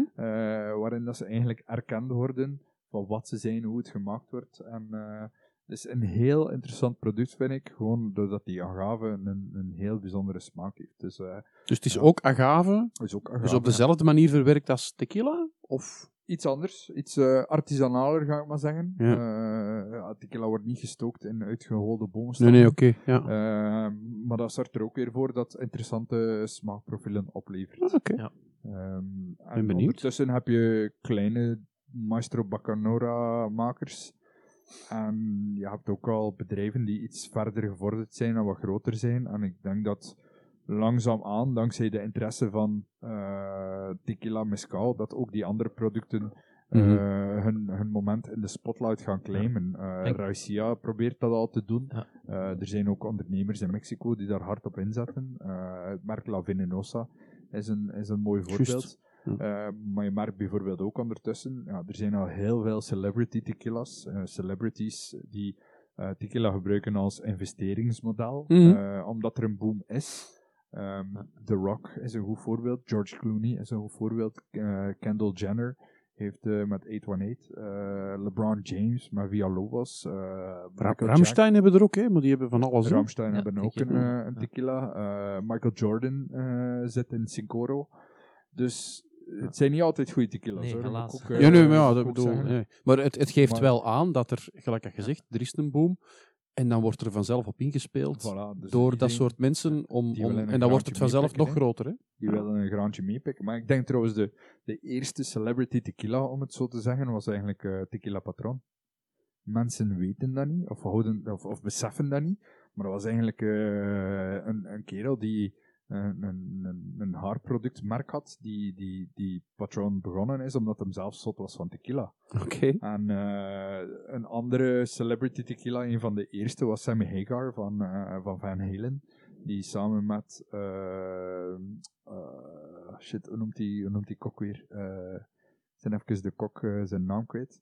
Die had, eh, die had dan ook. eh Zo'n superbekende- Guy Fieri. Guy en- Fieri is het. Ah, ja. Sammy Hagar en Guy Fieri, die hadden ook eh, een, een tequila, waren ook de eerste eh, celebrity tequila's als Oké. het ware. Het verschil is wel dat die allemaal gek waren van echte tequila's. De Ja, Patron, En, en niet puur voor het geld. ja, Ja, Patron ja. is begonnen in, eh, in de distilleerderij van Siete Leguas. En ze hebben daar eigenlijk de Maestro, eh, de Maestro Tequilero meegenomen naar een eigen distilleerderij. Ja. Er zijn ergens nog eh, flessen te krijgen van Patron in, in de, de Siete Leguas flessen. Maar die zijn zeer, zeer zeldzaam om te Mhm. vinden. Dus, eh, Fantastische tequila trouwens ook, CT Legolas. ja, een van mijn absoluut. favorieten. absoluut. Dus, ehm, Maar moeilijk niet te vinden in bij ons, België. Moeilijk te vinden bij ons, maar wel een topproduct. Maar in tegenstelling tot pakweg de whiskywereld, wordt er voorlopig nog niet zoveel vintage tequila bewaard of zo. Dat was een van de vragen die ik nog had. Van, ja, is, is, dat, is, is dat überhaupt... eh, maakt het een verschil? Een fles van 30 jaar geleden tegenover nu? Waarschijnlijk. Eh, maakt dat een verschil in de whiskywereld? Ja, whisky wordt ook gemaakt niet, om te drinken, eigenlijk. Ehm, maar ik ga wel zeggen, ik vind het heel leuk om dan een oude fles eh, van, van Ocho op de kop te tikken. Ik vind het leuk om een, een, een Sauza uit de jaren 80 eh, of, de, Hmm. of de jaren 70 zelfs op de kop te tikken. Doe ik ze open? Misschien niet. Sommige wel, sommige niet. Hmm. Ehm, maar ik vind het wel leuk, want van sommige bedrijven weet je dat het productieproces toen en nu Ja, anders is. Veranderd is, ja. En dan kun, je, dan kun je eigenlijk die vergelijking gaan maken. En dan kun je echt een vergelijking maken, want die dingen hebben niet in een vat gezeten, Ja. dus die kunnen daar niet door beïnvloed Ja, zijn. sommige dus wel, hè. is- Sommige, Oh, ja, ja. een Reposado of een Añejo, die hebben wel in een vat gezeten. Dan kun je, ook, kun je ook gaan vergelijken of die anders zijn toen en nu. Ehm, maar ik wil maar zeggen, hè, als, je, als je naar een blanco gaat die niet op een vat gezeten heeft, dan gaat de, het verschil is dan echt puur het distillaat. En, en het productieproces dat anders is tegenover... eh, als, je, als je een whisky neemt, hè, Glenfiddich 12 van nu of van 30 jaar geleden, ja, je weet eigenlijk niet zo heel goed wat het grote verschil is tussen die dingen. ja, ja dus, dus, Snap je er wat is, ja ik, snap, ik snap al wat dat gezegd, maar ook in tequila en dus soms Reposado's hè, en, en, en ik heb daar ook bijvoorbeeld van ocho verschillende jaren eh, Reposado thuis staan, die ik dan naast elkaar vergelijk. Hmm. Maar ook binnen hetzelfde jaar kun je, allee, zeker bijvoorbeeld eh, Tequila, Tequila Fortaleza is bijvoorbeeld een, een merk die heel hard in batches werkt. Mhm. Dan kun je soms batch per batch eh, al een verschil zien in kleur van Mhm. de Reposado of van de Añejo. Kun je ook gaan kijken aan wat ligt dat u precies. Ehm Jee, geek stuff. Geek stuff. Maar ja, dat is, dat is geen dat Dat is goed, mensen van whisky leuk vinden. Dat is geen dat Tuurlijk. mensen van rum leuk vinden. Ja, logisch dat mensen dat in tequila ook leuk vinden. Ja. Ehm, maar het is wel zo, ik denk dat binnen de whiskywereld was er al heel snel een besef dat die flessen een bepaalde waarde zouden hebben, terwijl in de tequila-wereld is dat allemaal gekocht om te drinken en wordt dat al opgedronken. Eh, Ja. Is die, is die verzamelwoede zo, eh, eigenlijk nog niet echt op gang gekomen. Ja. Alhoewel dat ik zo de indruk heb, bijvoorbeeld door merken zoals Fortaleza, dat dat langzaamaan eh, begint te komen. En dan, dan zie je dat mensen eigenlijk flessen eh, van, van limited edities, zoals de Winterblend, gaan Dan kopen ze hè. Ja. Dan kopen ze dozen. En Ja. dan gaat dat gewoon in storage. Dan doet hij daar zo een soort tape rond, dat er zeker niet te veel eh, Ja. gaat eh, naar, de, naar de engelen gaan, de angel share. Ook in een fles gebeurt dat, niet enkel in een vat. De investeerders. En, eh, ja, die, Hm. die, die zien dat als investeringsvehikel. hè. Hmm. En dat heeft ervoor gezorgd in, in, in whisky dat sommige dingen onbetaalbaar worden en dat je er niet meer zo van kan genieten zoals je zou willen. Wat dat je nu al, ook al ziet in de rumwereld. Ik En in de cognacwereld. eh, en ja, in de, voilà. ja, overal. En dus dat gaat ook komen in de tequila-wereld. Voilà, dat is een evolutie die, die, die unstoppable is, Ja. vrees ik een beetje. Ehm, maar ik geloof dat die dingen gemaakt zijn om van te genieten. En dan vind ik het een beetje raar om, om flessen te kopen om gewoon niet aan te komen. Klopt. Dat, dat, ik word daar een beetje kregelig van, want dat staat daar gewoon Ja. te glimlachen naar mij. Het, het, het, het maakt het wel een beetje kapot, hè, want we kunnen langs de ene kant zeggen, ja, nu is het moment om dat te kopen, want als het eraan komt, kun je, later, kun je het later doorverkopen met goede winst, maar het maakt het wel kapot. Hè, dus we gaan het...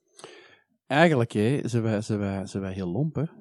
Want hoe meer dat wij dit soort dingen in de aandacht brengen, Ja, hoe meer mensen dat daarin geïnteresseerd gaan zijn. Ik kan dit eruit knippen, hè. Dus, Ja, ja, maar ja. En, en hoe meer liefhebbers, hoe meer vraag. Dus gaan Ja. die prijzen stijgen. Hè? Ja, aan de andere kant is dat, hoe meer vraag, dat biedt ook opportuniteiten. Want Ja, ja. bijvoorbeeld, eh, eh, om, om dan naar mescal te gaan, eh, te gaan verwijzen, mescal is een product die soms door allee, jarenlang al in een familie gemaakt wordt.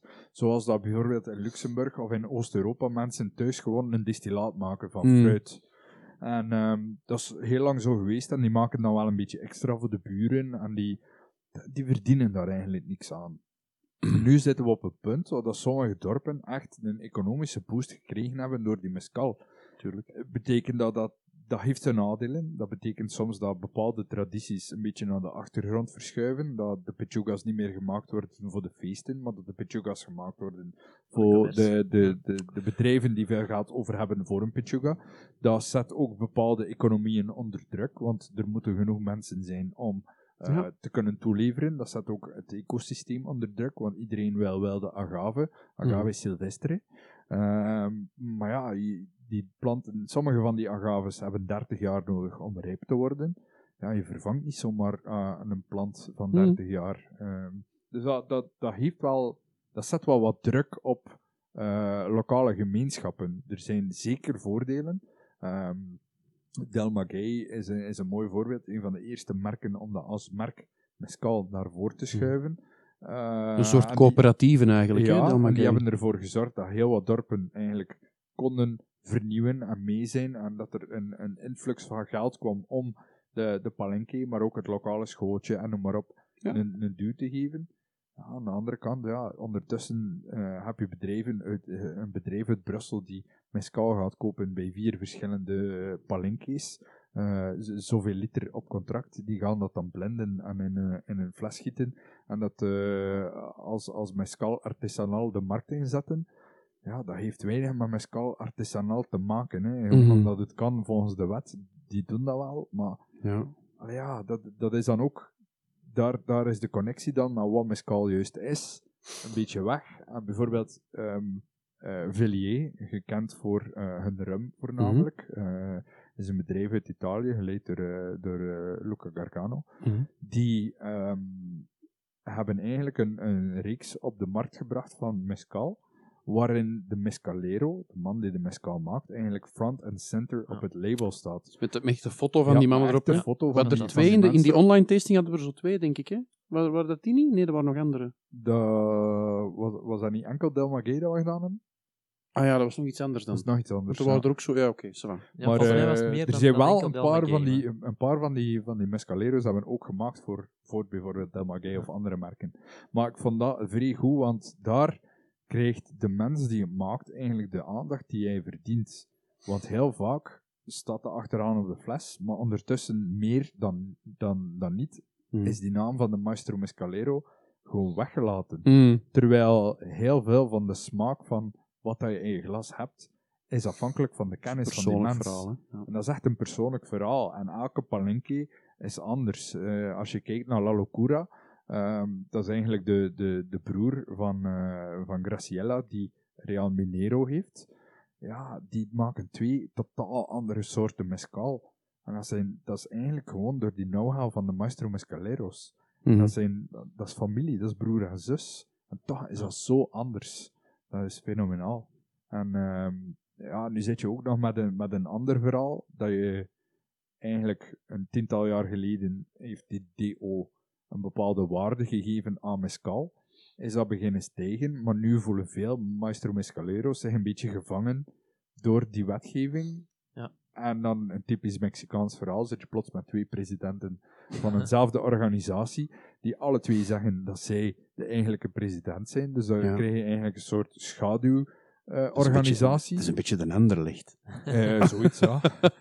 ja, maar dat is, dat, dat, dat is heel raar, want het kost veel geld voor een, een, een mescalero om eh, te voldoen aan die eisen, aan die stempel te krijgen van de, de, de CRM, is dat dan, eh, of Comercam, om zich als mescal te mogen certifiëren, terwijl ze eigenlijk al generaties lang mescal maken, maar nu mogen ze plots geen mescal meer maken, of moeten ze betalen om mescal Ja. te zijn. Mhm. En dat kunnen ze eigenlijk niet, want dat kost te veel geld.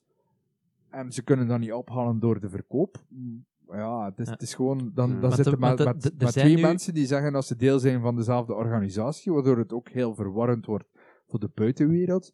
Ja, het is, Er het is een moeilijke situatie. producten op, op de markt die legaal gezien mescal zijn, maar het niet op het label mogen zetten, omdat ze het gewoon niet kunnen betalen. Ja. Real Minero zijn er een paar Ja, producten... Real Minero heeft ervoor gekozen om geen mescal Ja. meer te zijn, Ja. omdat ze zoiets hebben van, ja, als jullie niet... Allee, als jullie niet weten wat dat mescal is, wat, dat, allee, wij hebben al altijd mescal gemaakt en nu gaan jullie ons zeggen wat Ja. dat mescal is en wat niet.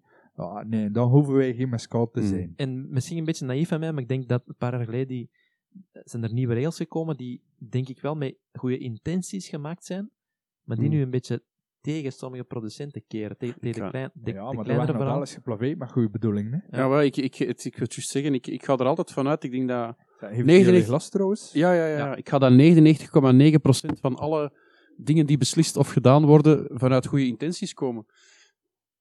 Maar bon, ja, dit, dit- dit- dat leidt niet altijd tot de resultaten dat je wilt natuurlijk. Ja, dus, dus goede intenties is één iets, maar aan de andere kant, eh, de uitwerking is ook heel belangrijk. Ah, ja, ja, ja. het idee. Ja, ja. De, de, de- in- Zeker. In zekere zin is zelfs de uitwerking nog belangrijker dan het idee aan zich. Zie je dat je zelf nog hebt te staan? Ja, maar ik kan nog een beetje. Kun je erbij? Ik kan er net bij. Het gaat over glazen met sterke dranken, kan ik er meestal net bij. Dit is eh Bacanora. Bacanora Ja, Santo Bacanora. Pecado. Ja. Eh, sinds kort beschikbaar hier in België. En, eh, ja, dit, dit is verkrijgbaar in België. Dit is op dit moment verkrijgbaar in België. Oké. Net, net, net. Dit is eigenlijk een, een preview wat je krijgt. Wat ik ook altijd leuk vind met mescal, is eigenlijk een klein beetje op je hand doen.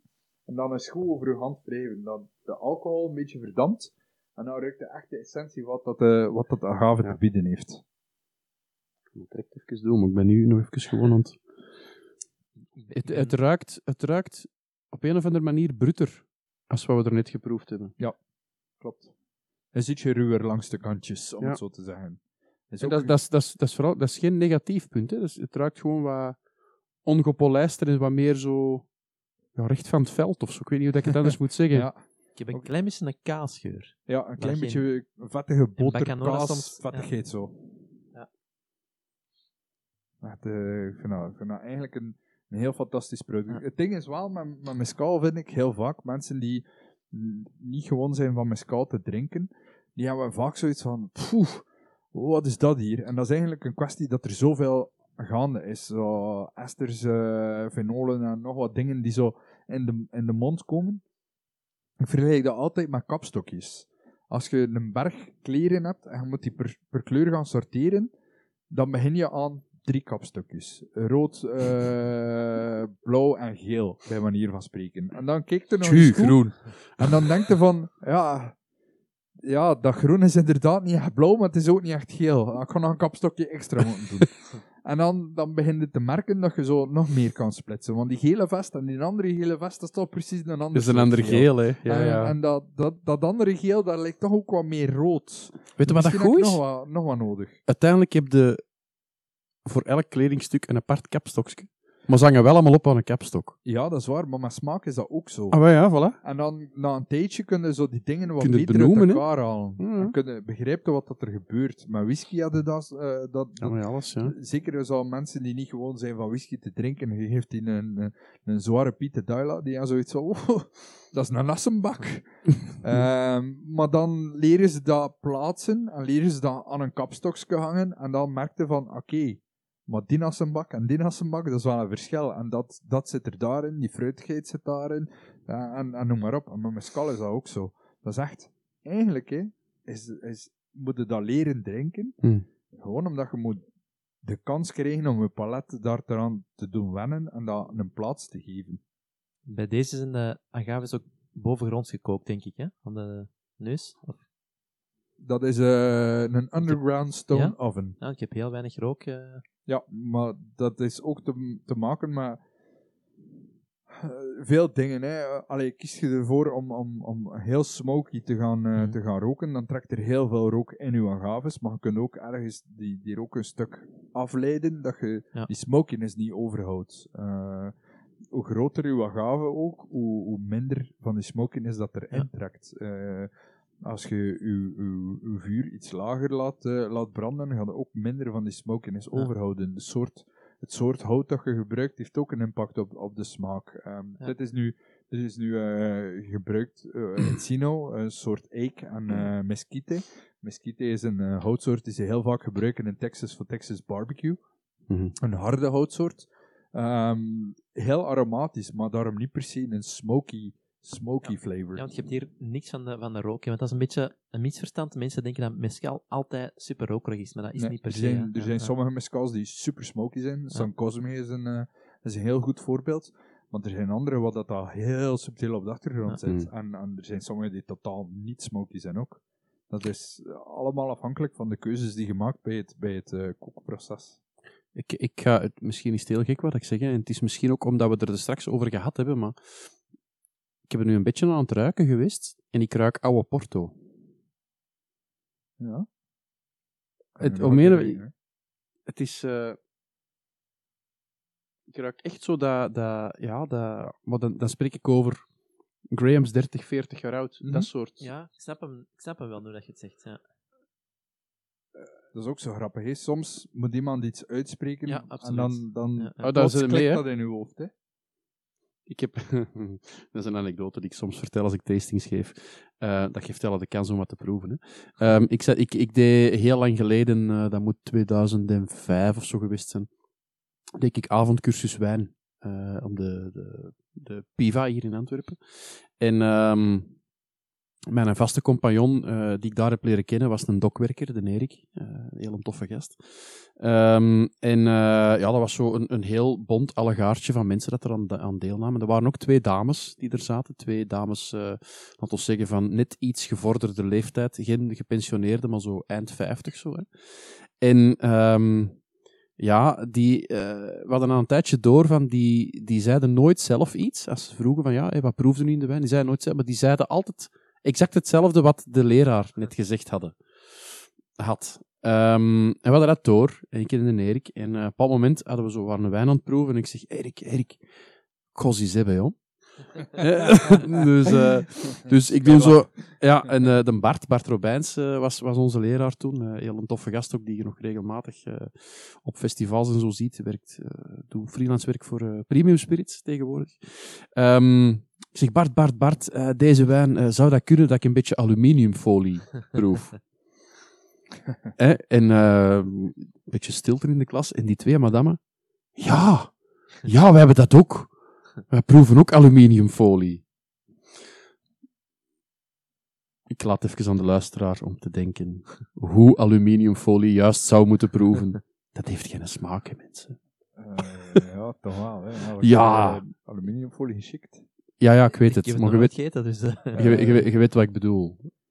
Maar dat is niet direct de smaak dat je in je eh, wijn zou Nee, verwachten. nee, nee, Maar, nee eh, helemaal niet. Helemaal niet. Aluminiumfolie, ja, dat is niet... eh, Je, je, krijg, je krijgt zo'n een, een, een metalig eh, meteen dingetje. een heel metaalachtige Ja. smaak in de mond. hè. Dat is echt niet... eh, Nee, het, was, het was hetgeen dat ik op dat moment kon verzinnen, dat het meest ver weg van die wijn was dat, het- dat ik Maar- kon verzinnen. Het is ook absoluut een feit dat je je laat beïnvloeden door wat iemand u vertelt. Ja. Ja, Als je een, een whisky van 20 jaar en een whisky van 40 jaar naast elkaar proeft, die van 40 gaat niet per se beter zijn, hè, maar het verhaal dat je erbij krijgt, dat je weet dat je een uitzonderlijke whisky aan het drinken bent, Je zou die twee whiskies eigenlijk moeten blind geven en zeggen dat die van 20, 40 jaar oud is en die van 40, Ja. 20. En dan Ja. zien wat de mensen zeggen. Er is, er is ergens een, een onderzoek geweest ook, dat, dat mensen die eh, een rode wijn in een, eh, in een bepaald type fles krijgen, dat die dat sowieso beter inschatten dan een rode wijn die in een goedkope fles zo. Er is, er is, een, er is een geniaal, eh, geniaal test geweest ooit, ik denk dat het eind jaren 90 was in Amerika.